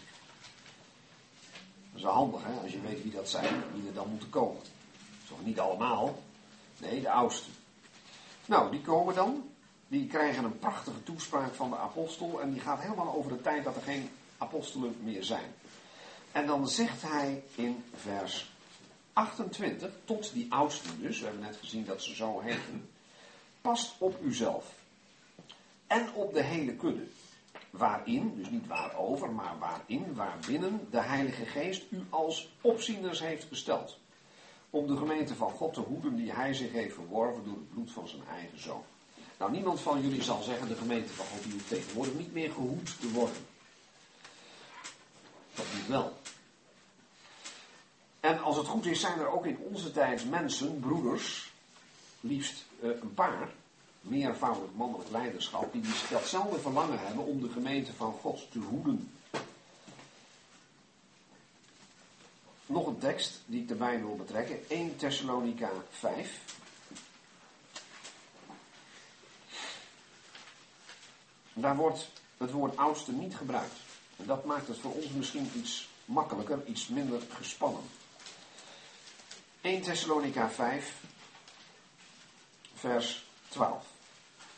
1 Thessalonica 5, vers 12. Daar, was duidelijk een probleempje met het leiderschap al daar. Want Paulus schrijft in 1 Thessalonica 5, vers 12: Wij vragen u, broeders, hen te erkennen die onder u arbeiden. En u leiding geven in de Heer en u terechtwijzen. En hen zeer hoog te achten in liefde om hun werk. In Thessalonica vind je ook in het boek Handelingen niets over aanstellingen. Maar je leest wel dat er mensen zijn, ze worden niet eens oudsten genoemd, waarvan de gewone gelovigen, de broeders, de broeders en zusters, opgeroepen worden om die mensen te erkennen. Niet zomaar. En het is ook niet zo dat die mensen uh, eerst erkend moeten worden en dan ineens aan de slag gaan. Nee, die zijn daar al. Die zijn daar aan het werk. Die arbeiden daar, die geven leiding in de Heer, dus op een geestelijke manier. En die wijzen terecht. En Paulus zegt, die mensen die dat doen, die moet je erkennen. Die moet je hoogachten in liefde om hun werk, namelijk dat werk dat ze al doen. En ze gaan niet pas aan de slag nadat ze een schriftelijke benoeming in de zak hebben. Door de gemeente of door wie dan ook. Nou, hoe kunnen we dat nu naar deze tijd brengen? Als u moeite hebt met het woord oudsten, laat het dan gewoon schieten. Leidende broeders vinden sommige prettiger klinken. Ook goed. Niks mis mee. Want ook als je de term oudsten wel zou gebruiken, oudsten in onze tijd zijn nooit van hetzelfde kaliber als de Nieuw-Testamentische oudsten. Alleen al om het feit dat ze niet kunnen bogen op een aanstelling door een apostel of een afgevaardigde als Timotheus of Titus. Maar we kunnen wel kijken naar wat we net lazen in Handelingen 20. Waar staat dat de Heilige Geest ze heeft gesteld tot de taak die ze daar verrichten. En in 1 Thessalonica 5 zagen we zulke mensen aan het werk. En we steken de kop in het zand als we geen oog hebben voor broeders die dit soort taken verrichten. En het zou heel verstandig zijn als zulke broeders dat ook samen doen, samen bespreken. Paulus spreekt in dezezelfde brief, we komen daar nog op in 1 Timotheus, over het, uh, de gezamenlijke oudsten. Dus niet allemaal individualistische leiders, maar gelovigen, broeders die dat samen doen. En hoe kunnen we die mensen nou erkennen? Hoe kunnen we ze nou herkennen? Nou, door die profielschetsen te lezen. En dan zien we dat echt niet zomaar elke gelovige van het mannelijk geslacht zo iemand is. Want wat moet hij zijn? Onberispelijk. Er mag niets op zijn praktische wandel aan te merken zijn. Dan zou je al zich, op zich al denken dat. Uh, ja, wie, wie kan daar nog staat op maken? Man van één vrouw. Dat leggen we meestal zo uit dat dat betekent, uh, ook al zou je in een cultuur komen waarin men uh, vanuit het heidendom gewend was om misschien met meer dan één vrouw tegelijk getrouwd te zijn, zo iemand, zegt Paulus, moet niet leiding geven in de gemeente. De gedachte dat zo'n man uh, maar één keer getrouwd mag zijn en niet hertrouwd bijvoorbeeld nadat hij weduwnaar is geworden, lijkt me strijdig met de schrift, want in 1 Korinthe 7 wordt duidelijk gemaakt dat een gelovige die weduwe of weduwnaar is geworden, mag hertrouwen. Dat dat niet verkeerd is, mits in de Heer staat erbij. Er staat niet bij, dat geldt niet voor oudsten. Dus ik lees het zo, het moet iemand zijn van wie Paulus voor alle duidelijkheid zegt, die gewoon wettig met één vrouw getrouwd is. Elke vrouw, zegt Paulus in 1 Corinthië 7, haar eigen man en omgekeerd. Hij moet ook, ik ga niet over al die kwalificaties iets zeggen, nuchter zijn, ingetogen, waardig, gastvrij, geschikt om te leren, geen drinker, geen vechter, maar inschikkelijk, niet twistziek, niet geldzuchtig, iemand die zijn eigen huis goed bestuurt zijn kinderen in onderdanigheid houdt met alle eerbaarheid. Je zou dus kunnen zeggen, Paulus gaat ervan uit dat een oudste uh, getrouwd is. En kinderen heeft. Ik zeg niet meteen dat ik zo ver ga dat ik zeg een broeder die niet getrouwd is en geen kinderen heeft, kan dus geen oudste zijn. Paulus noemt deze twee kwalificaties er wel bij. En ik denk dat in de meeste gevallen, zeker als het gaat om toezicht houden op de gezinnen, we eerder iets zouden aanvaarden van iemand die zelf weet waar hij het over heeft, omdat hij getrouwd is, dan wel ook zelf kinderen heeft opgevoed.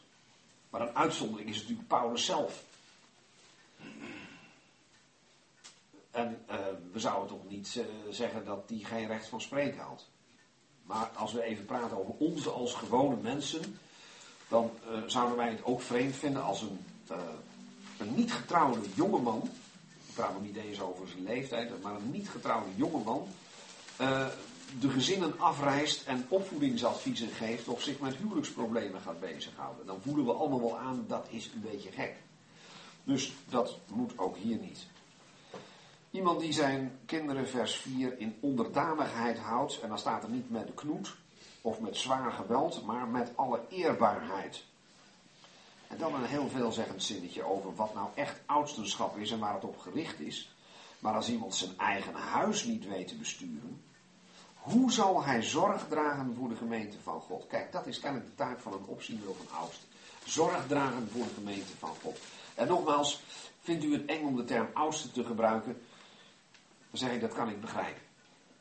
Want ook als je de term wel gebruikt, geen enkele oudste nu kan prat gaan op een apostolische aanstelling of een aanstelling door een gedelegeerde van de apostel.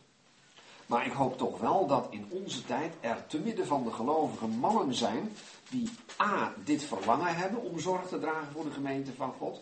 En ook in hun praktisch leven de kenmerken hebben die de apostel hier gebruikt. Zodat de gelovigen weten wie ze moeten erkennen.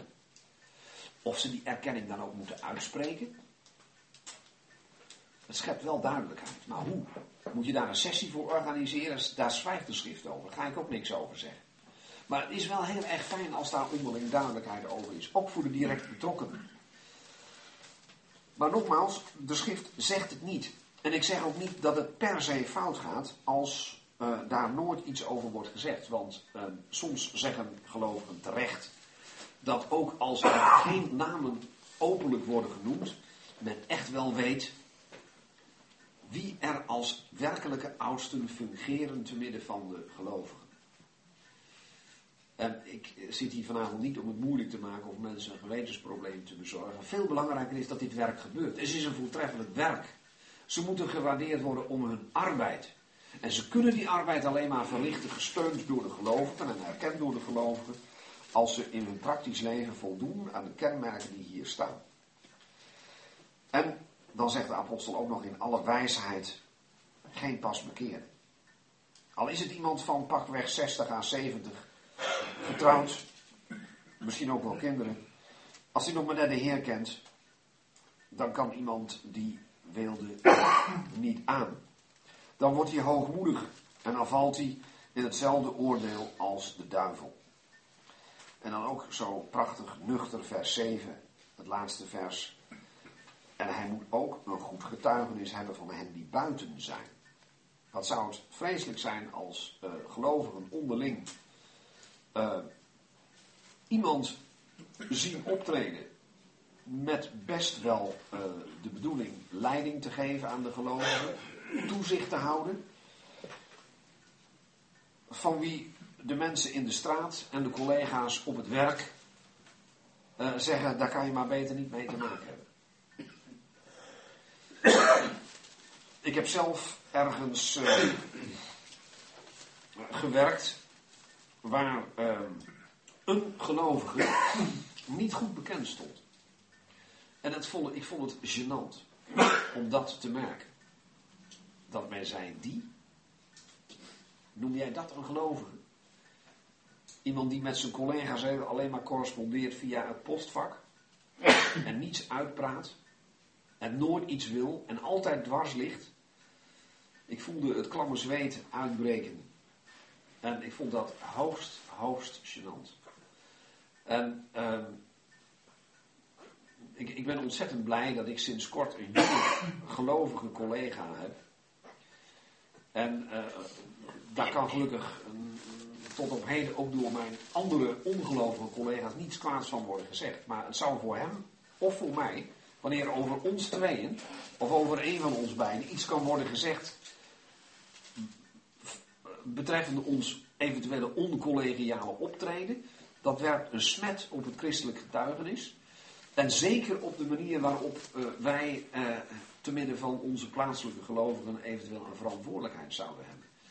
En uh, Paulus zegt, niet alleen in de gemeente moet dat allemaal kloppen en in het gezin van zo'n betrokkenen, maar ook gewoon de buitenwereld. Daar moet ook iemand goed bekend staan. Hij moet daar een goed getuigenis van hebben. Nou, van Timotheus zelf dat is wel aardig, weten we dat. Maar dan zijn degenen die een goed getuigenis geven, de gelovigen in een andere plaats. Misschien kunnen we dat toch nog even lezen. Handelingen uh, 14.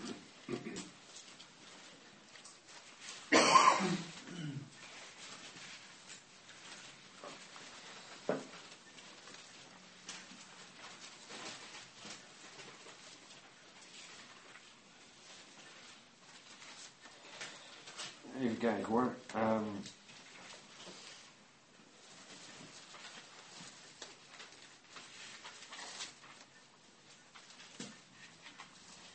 oh ja, het is, het is iets feller. Ja, het is hoofdstuk 16, neem niet kwaad. Handelingen 16. Vers 1. Handelingen 16, vers 1. Hij, dat is Paulus, nu kwam en in Derbe en ook in Lystra. En zie, daar was een discipel, genaamd Timotheus. Nou, dat is mooi, want dat is degene uh, aan wie Paulus schrijft in zijn beide brieven aan Timotheus. Een discipel genaamd Timotheus, zoon van een gelovige Joodse vrouw, maar van een Griekse vader, die een goed getuigenis had. Maar nou staat er niet van hen die buiten zijn, maar van de broeders in Lystra en Iconium. Nou, dat is fijn.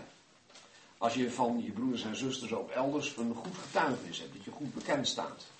En zeker voor zo'n man als Timotheus, die wat wij tegenwoordig zouden noemen een bovenplaatselijke dienst verricht, is het ook goed dat hij in dat opzicht uh, goed bekend staat. Maar ook in de wereld. Degenen die buiten zijn.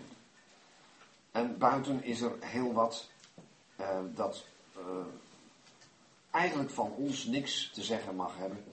En ook dat moet want, staat er dan bij, opdat hij niet in opspraak komt. Dus over de tong gaat en in de strik van de duivel valt. Dat betekent dat de duivel hem dan een strik spant. De strik van de duivel betekent een strik die van de duivel afkomstig is, die de duivel zo iemand dan spant. Want die vindt dat natuurlijk schitterend. Die zal dat vuurtje onmiddellijk opporren en zeggen van die een oudste daar in, bij, die, eh, bij die christenen daar, die altijd dat deurtje ingaan. Jullie hebben het misschien ook wel eens meegemaakt dat iemand tegen je zei van die daar, komt die ook bij jullie? Vreselijk. Ik, ik hoop dat je het niet meemaakt en ehm, dat zo iemand uh, geen oudste moet worden, lijkt me duidelijk. Maar Paulus die schrijft het erbij en ik neem aan dat we daarmee kunnen uh, instemmen als een hele verstandige aanbeveling. En Timotheus, ja, die hebben we net gelezen, die moet niet overijld mensen de handen opgeven. Ik heb het altijd zo gelezen, die moet eigenlijk in alle rust deze profieelschets doornemen. En ook even kijken naar iemands praktijk in dit opzicht. En dan pas iemand die waardigheid geven. Nou, wij doen dat niet. Wij zijn niet een Timotheus of een Titus. Wij zijn ook niet een gemeente die democratisch even gaat vaststellen wie die oudsten zijn. Maar als het goed is, zijn er zoals gezegd, ook in onze tijd, nog steeds mannen die zeggen: Dit is de gemeente van God, die is niet van mij. Die op een gegeven moment merken dat de Heilige Geest een bepaalde last op het hart legt, namelijk zorg te willen dragen voor dat wat niet van hen is, namelijk de gemeente van God. En die dat op zo'n manier doen, vanuit zo'n persoonlijk en gemeenschappelijk en maatschappelijk leven, dat ze aan deze criteria voldoen en de gemeente dus ook weet wie ze op dit punt hebben te erkennen. En in alle simpelheid, en wie dus ook niet. Het wordt pas vreselijk spannend als iemand die niet aan deze kwalificatie voldoet, wel een leiderschaps, een leidende rol voor zichzelf claimt en opeist. Maar dan moet je ook het lef hebben om te zeggen, hoors, we leven in een tijd na de apostelen. En er zijn ook niet meer zulke mensen als Timotheus en Titus. Maar het woord van God staat er nog steeds. De geest van God is er. En je zou dan kunnen zeggen, lieve broeder, u lijkt een leidende rol te claimen te midden van de gelovigen. Maar op grond van het lijstje in 1 Timotheus 3 en ook in de brief aan Titus uh, blijkt dat u niet degene bent die het werk verricht op grond waarvan wij u zouden moeten erkennen. Of u zich nou een oudste zou willen noemen of niet, dat is dan secundair, daar, daar gaat het ook niet om. Het werk is belangrijk. Zorg voor de gemeente van God. Als we zeggen van we hebben geen oudste meer en dus wordt er geen zorg aan de gemeente van God besteed. Dat zou ongelooflijk uh, triest zijn. Dat is wat ik uh, in de eerste ronde, als ik het zo mag zeggen, uh, naar voren wil brengen. Als er mensen zijn met een, een vraag, een opmerking, dan graag. Thank you.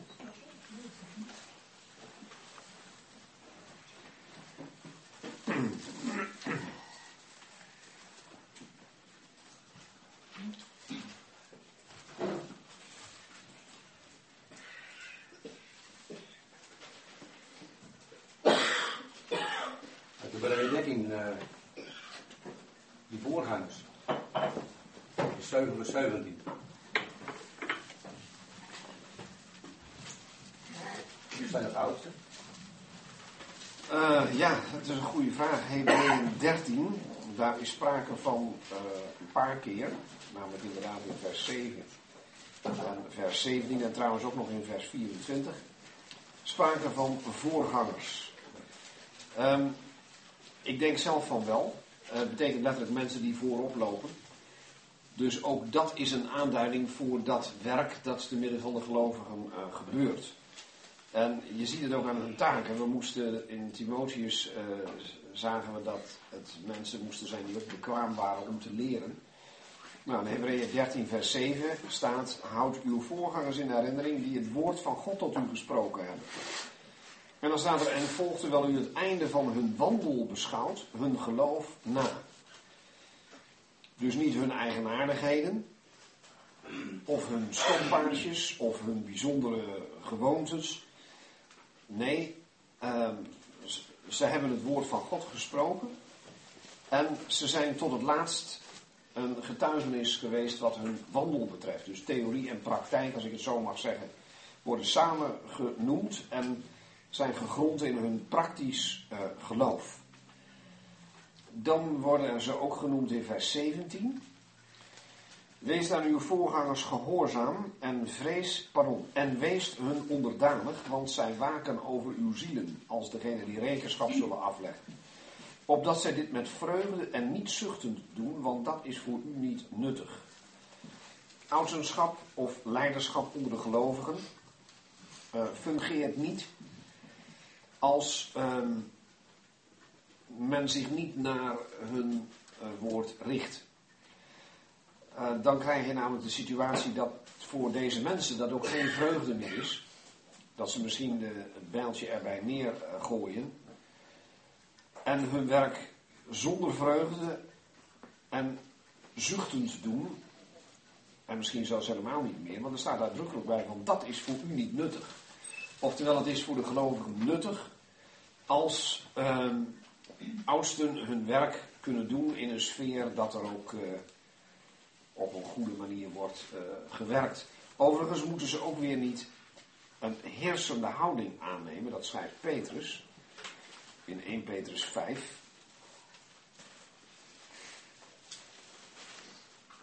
1 Petrus 5, vers 1. En hij schrijft aan Joodse gemeenten.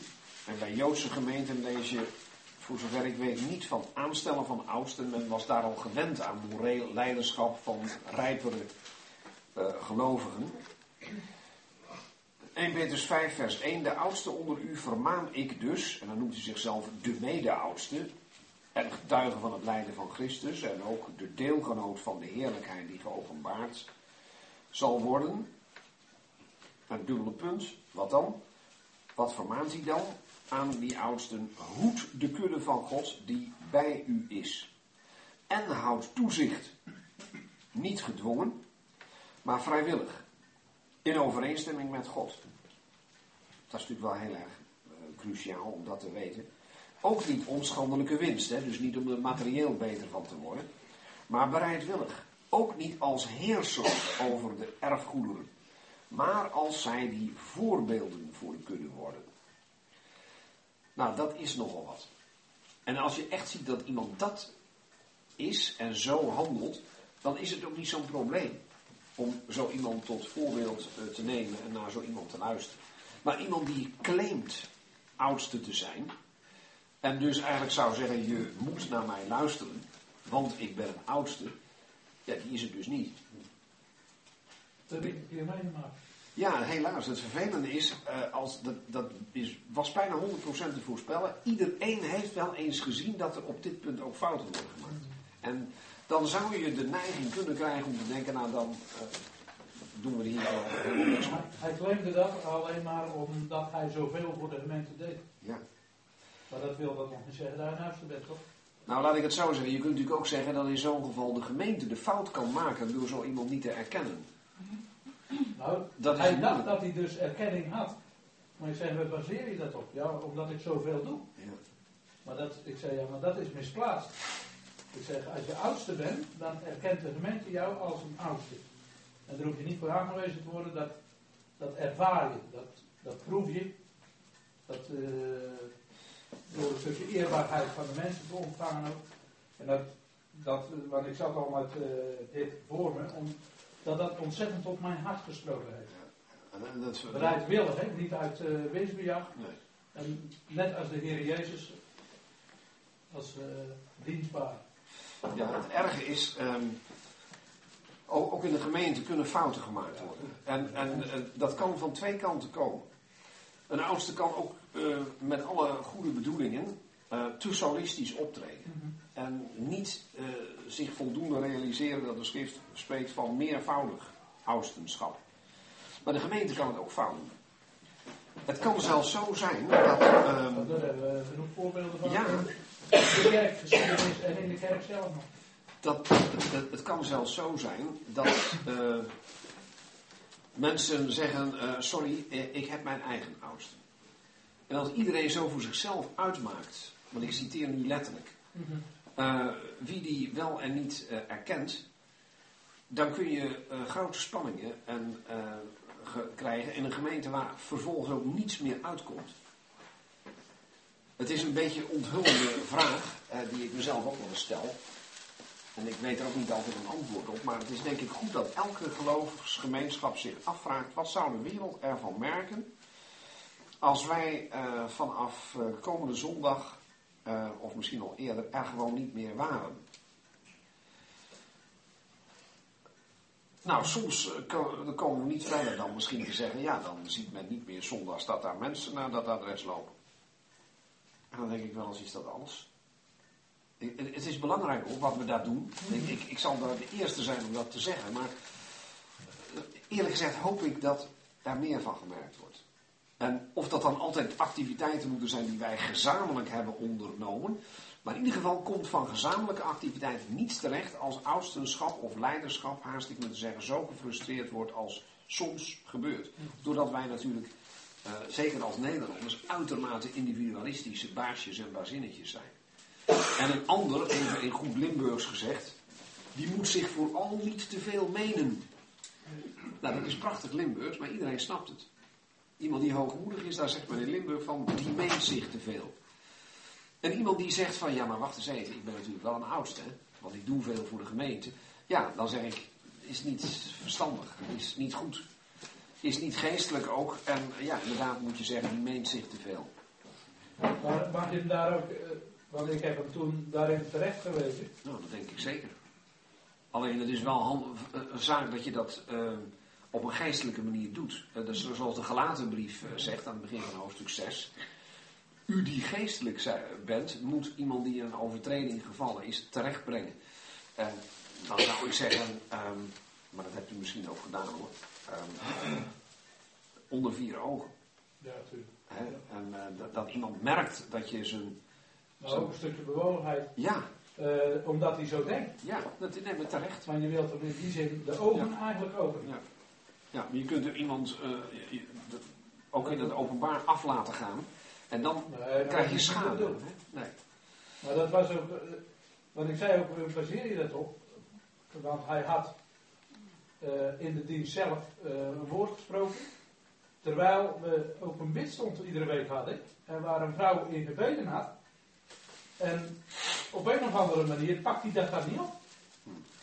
Ik zeg, ja, maar ik zeg, als je oudste bent, dan hoor je naar je schapen. Hè? Dan weet je wat er leeft. Ja. En dat is, ja, Nou, dat is ook zo.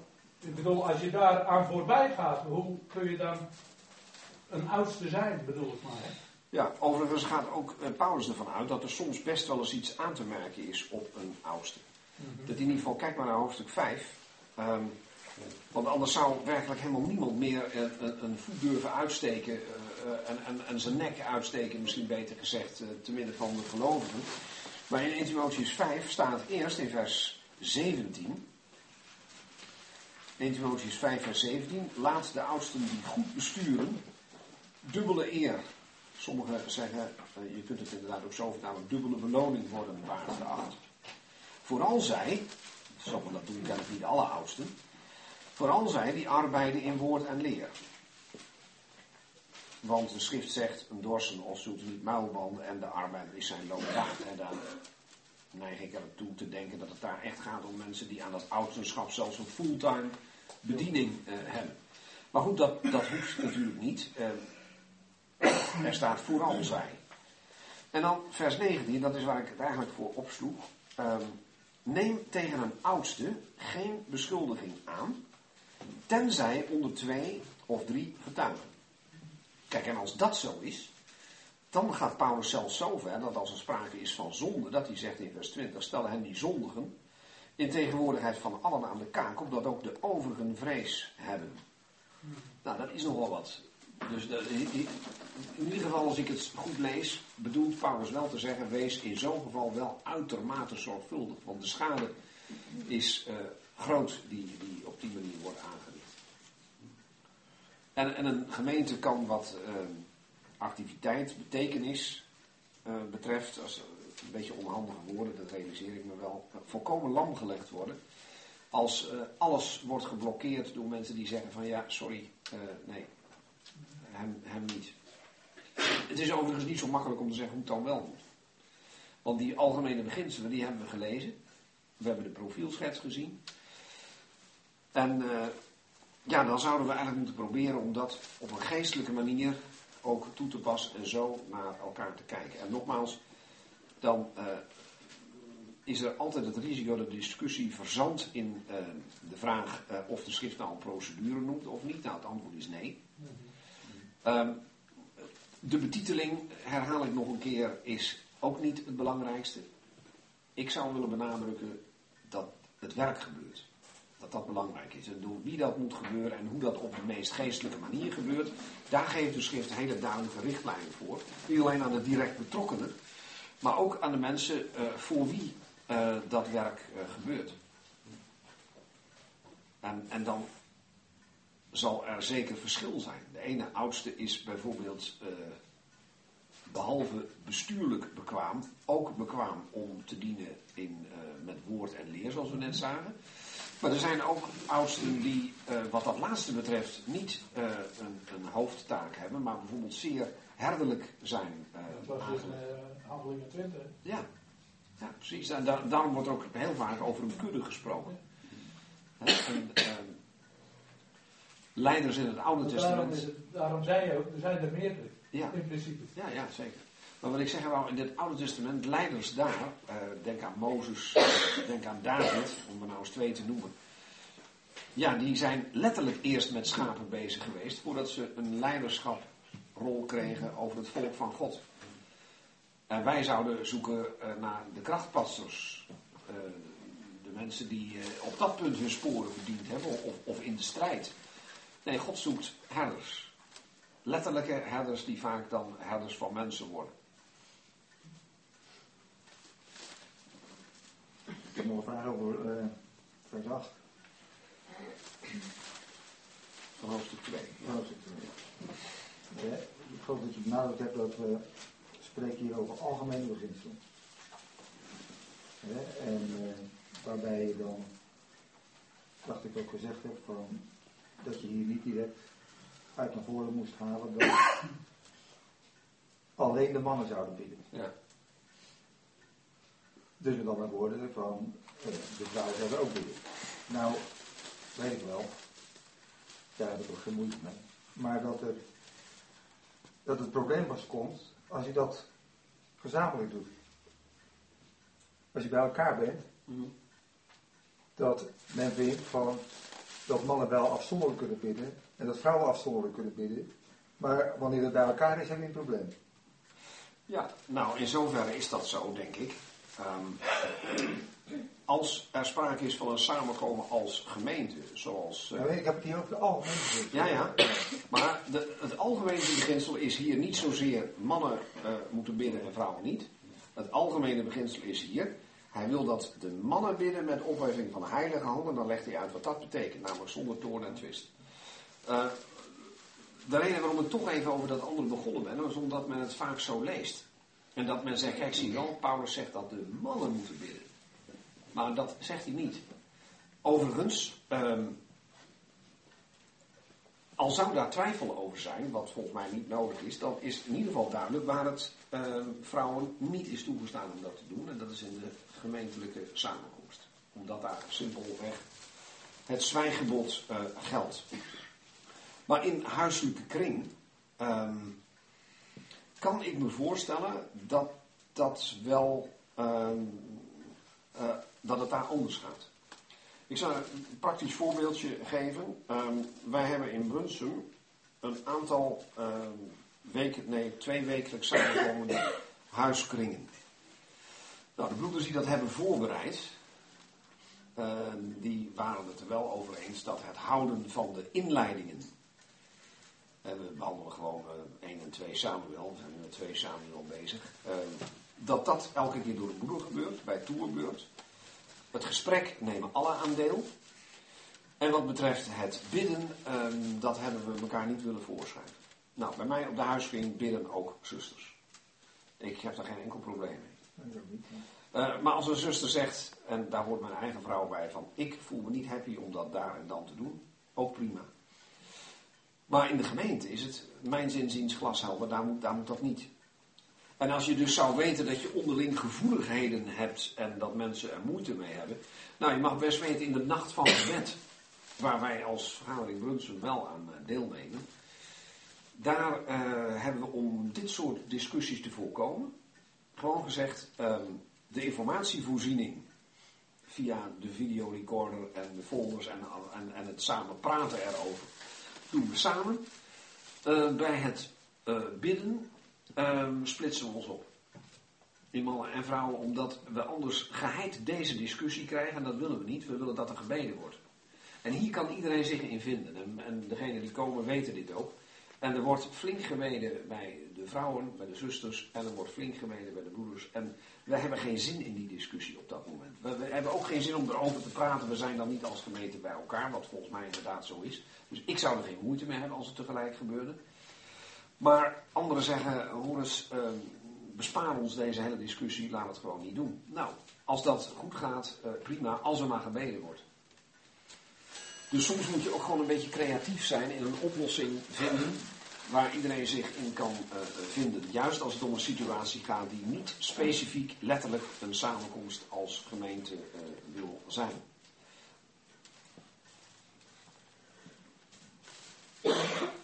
Ik heb wel eens gehoord van een, uh, een oudere broer ook, een, van een zuster, die zei, nooit met haar kinderen hardop gebeden. Dat is toch heel erg. Ja, dat is niet. Ik heb mijn moeder één keer horen bidden. Ze 84 jaar, kort voor ze stierf. Daar heb ik het voorgezegd. De ene keer, het is de eerste keer mijn moeder horen bidden. En daarna hebben we ook weer gedankt. Dus de enige keer mijn moeder voor gedaan. Dat is voorgezegd. Dan moet er aan mij moeten leren. En het belangrijkste, de zusters met name kinderen leren. Tuurlijk. Nee, dat, dat is ook zo. En uh, ja, er, er, staat hier ook zoveel mooi onderwijs over de diversiteit van de gebeden, hoe algemeen het is. Uh, dat er wordt gesmeekt uh, en gebeden en anderzijds voorbindingen worden gedaan. Ehm, dat ja, het enige wat hier gezegd wordt is dat dat in een bepaalde houding moet gebeuren, waarin kennelijk de mannen op dat moment faalden, wat, wat hun zwakheid was. En ik denk dat het midden in de roos is wat Paulus daar zegt. En wat de vrouwen betreft, uh, denk ik dat ook. Uh, dat, dat, moet je natuurlijk in alle voorzichtigheid zeggen als broeder. Maar Paulus die kan zich als geïnspireerde apostel niet vergist hebben. Die weet gewoon waar de, de, de valkuilen liggen. En wij onnozele halzen van broeders hebben dat misschien lang niet eens altijd in de gaten. En geven daar misschien ook lang niet altijd uh, de juiste aanwijzingen voor. Maar dat, hoeft ook niet, want de schrift zelf spreekt tot deze vrouwen. Alleen in dit geval moet wel Timotheus ze dat voorhouden. En hij was een jonge broeder, dus dat was denk ik best wel moeilijk. Hè? Hij moet tegenover de, de, de zusters ook uh, in alle reinheid, of, of verwar ik hem nou met Titus? Even kijken hoor.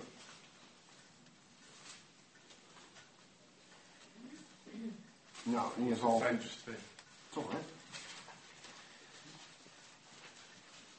Ja, inderdaad, dat is wat ik bedoel. Ja, dus uh, hij krijgt ook te horen dat hij in dat opzicht voorzichtig moet zijn.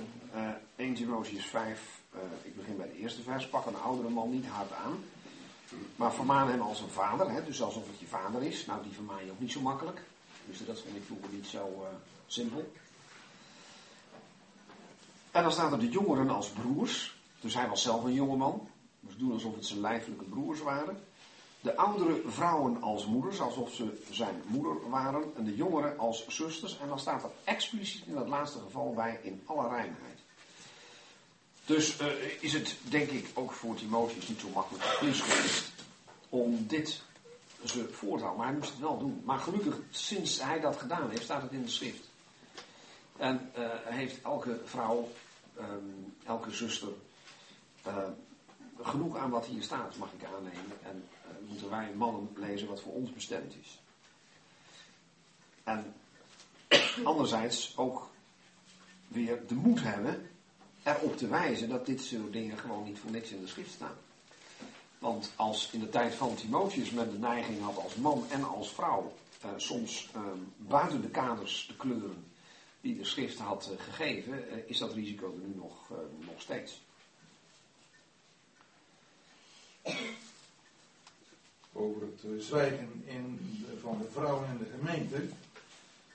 Daar kunnen we toch ook wel wat zwaar uh, over denken, denk ik. Want ik was eens een keer in een gemeente op vakantie. En, uh, en toen ging daar ook door de week het bid stond aan de Bijbelbespreking. En dat deed men daar ook achter elkaar.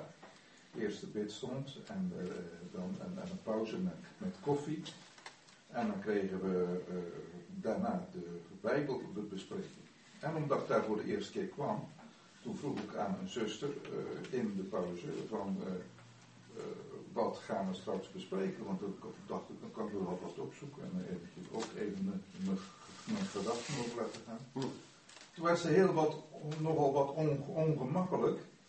En ze heeft wel uiteindelijk gezegd maar toen zei, hoorde een broeder dat en die kwam op me af en die zei, ja, je had het ook aan mij kunnen vragen hoor, want dan had ik, ik wel antwoord. Zo. en toen dacht ik, oh, hoe zou dat nou, zou ik nou bedoelen dat een vrouw dat niet mag zeggen? Dat, uh, dat vond ik toch best wel een beetje... Ja, dat lijkt mij ook, ja. Beetje dat wordt hier niet uh, bedoeld dat een vrouw natuurlijk niks mag zijn. Maar je hebt, hebt wel de kans dat bepaalde teksten uitgelegd worden met de gewoonte zoals die ergens heerst. Dus het kan ook wel een beetje te zwaar worden aan. Nou, laten we zeggen, het, is waar dat in het verleden zelfs werd gezegd dat je uh, bepaalde gesprekken over geestelijke onderwerpen, bijbeluitleg, Ehm, dat je die maar beter alleen met broeders kon houden en niet met zusters. Dat is natuurlijk ook even absurd. Waarom zou je niet met zusters kunnen spreken over uh, de schrift in een, uh, met je eigen vrouw bijvoorbeeld, of in je gezin, of een, een huisbijbelstudie, of een huiskring? Uh, gelukkig kan dat allemaal gewoon. En, en, en een geestelijk gezinde vrouw die weet echt wel wanneer ze ineens begint te leren of niet. Toen ik nog de jeugdring deed in Brunsum, toen uh, lieten wij het houden van inleidingen circuleren. En ik vond toen eigenlijk dat ook de, jonge vrouwen, zusters, meisjes, uh, die mochten van mij best een inleiding houden. Als, als oefening onder mijn verantwoordelijkheid. Maar er was er eentje bij die zei, oh dat leuk zegt ze dat ik ook een inleiding. Maar zegt ze, ik doe het wel in vraagvorm. Hè. Ik, vraag, ik, ga, dus ik ga bij alles zeggen van, is het misschien zo dat Susan is misschien... Daar hebben we toen hartelijk om gelachen natuurlijk. Maar, en dat moet je natuurlijk ook niet te ver doordrijven. Maar je kunt alles tot in het absurde uh, brengen. Maar voor alle duidelijkheid, dat, dat is dus niet het onderwijs van 1 Timotheus 2. En toen ik met moeder Fijn van der Raad samen, sommigen kennen het boekje misschien lang geleden, uh, het boekje geschreven heb, Zwijgen in de gemeenten, uh, dat had eerst een andere titel.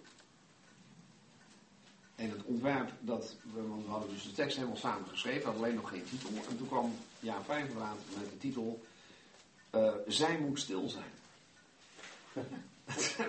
ja sorry, die tekst moet je niet gebruiken, want dat stil in etymologisch is iets heel anders. Bovendien vind ik het niet echt een fijne titel.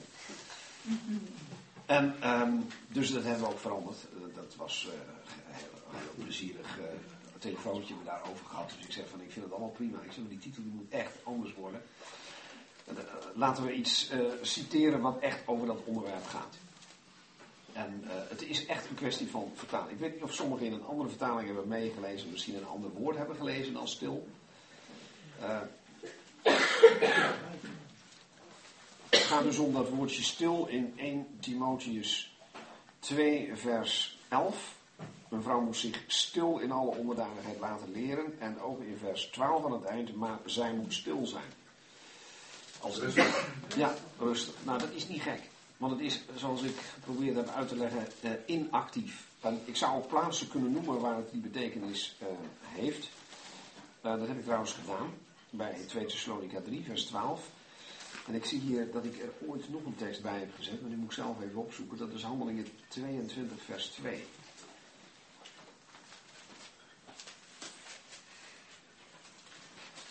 Nou ja, dat zou misschien een misverstand kunnen wekken. Want daar staat uh, Handelingen 22, vers 2. Toen zij nu hoorden dat hij hen toesprak in de Hebreeuwse taal, hielden zij zich nog stiller. nou, in ieder geval, eerst waren ze duidelijk nog een beetje actief. En die activiteit was daar praten. Hè? En als je die activiteit stopt, ja, dan wordt het inderdaad stil. Maar daarom denk ik dat ik die tekst uh, er niet bij heb gezet. Want die zou een misverstand kunnen leggen. Maar het woord zelf uh, wordt elders echt gebruikt in de zin van uh, rustig, niet actief. En vertaling stil, daar, voor zover mij aan te rekenen is, heb ik daar spijt van. Maar toen was ik ook nog een heel stuk jonger toen we dit uh, zo opschreven.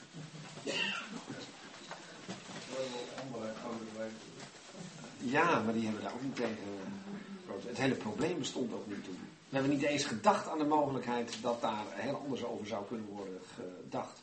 Maar wel later op conferenties heb ik dat wel gemerkt en hebben dat ook zo gezegd. Hoewel ook tussen die broeders uh, die daar meewerkten en ondergetekend niet altijd over dit onderwerp dezelfde mening uh, heerste. Maar wel over de vertaling. Dat wel. Maar Gerard, uh, als, je, als je dus spreekt over de vrouwen, hè, dan die hebben toch een hele bijzondere taak in de gemeente. Ook als je ziet, qua, wat of Jan ook zegt, qua opvoeding van de kinderen. Maar ook om de jonge vrouwen te onderwijzen. Ja, dus Titus. De jonge mannen. Daarover, Titus. Ja, de jonge vrouwen. Ik bedoel, en ik vind, ja, tenminste dat is mijn ervaring, dat de vrouwen zelfs die positie niet aandrukken.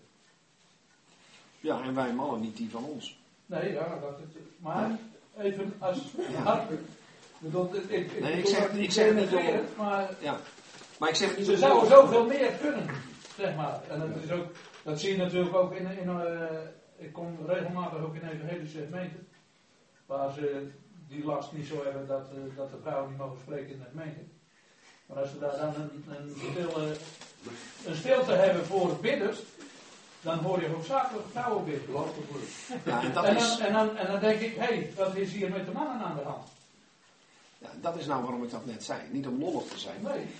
Maar, want ik onderschrijf volledig wat je zegt. Uh, ik, ik begin bewust bij de mannen. Als die niet de taak, de verantwoordelijkheid op zich nemen, zowel in de samenkomst als buiten de samenkomst, binnen de gemeente van God, dan krijg je automatisch dat vrouwen die rol gaan overnemen. En dan reken ik dat allereerst ons mannen aan. Want het is wel heel makkelijk om te wijzen. Uh, en ik zeg niet dat jij dat doet hoor, maar dat is gewoon in zijn algemeenheid. Ja. Want wat ik denk dat daar de oorzaak ligt, dat wij uh, mannen, um, en, en, er zijn culturen waar dat nog veel vlotter en makkelijker gaat dan, dan hier, uh, dit gevaar lopen. Ja, en dat vacuüm, daar springt uiteraard dan in. Net zoals in, in de schrift, in de richteren tijd, als de mannen niet beschikbaar waren als zodanig, dan geeft de Heer wel een Deborah. En nou, dan kun je dat niet helemaal vergelijken, want wat gewoon niet mag, dat mag niet. Maar je, je creëert wel een sfeer waarin um, die neiging bestaat om het dan maar zelf te gaan doen als de mannen het uh, nalaten. -hmm. En, en, natuurlijk, uh, ik voel me altijd een beetje ongemakkelijk als ik ga vertellen hoe bijzonder de rol van de vrouw in de gemeente is. Uh, maar ik onderschrijf het wel volledig. Maar je kan jij en vrouw Ja, zeker. Ja, zeker. Maar dat doe ik niet in het openbaar. ja, nee, maar ik zeg ook niet dat dat moet doen, maar nee. bij ons mannen ook ja, kan zeker. liggen, zeg maar. Nee, dat en is dat er daardoor meer vrijheid ook in een gemeente komt. Ja, nee, maar dat is, dat is helemaal waar, denk ik. Ik denk dat er daar meer openheid is. Ja. Zo moeten er nog twee naar binnen hoor. Ja, maar ik moet er ook wat na te denken. goed. Zullen we dan, uh, ja, we dan hierbij laten?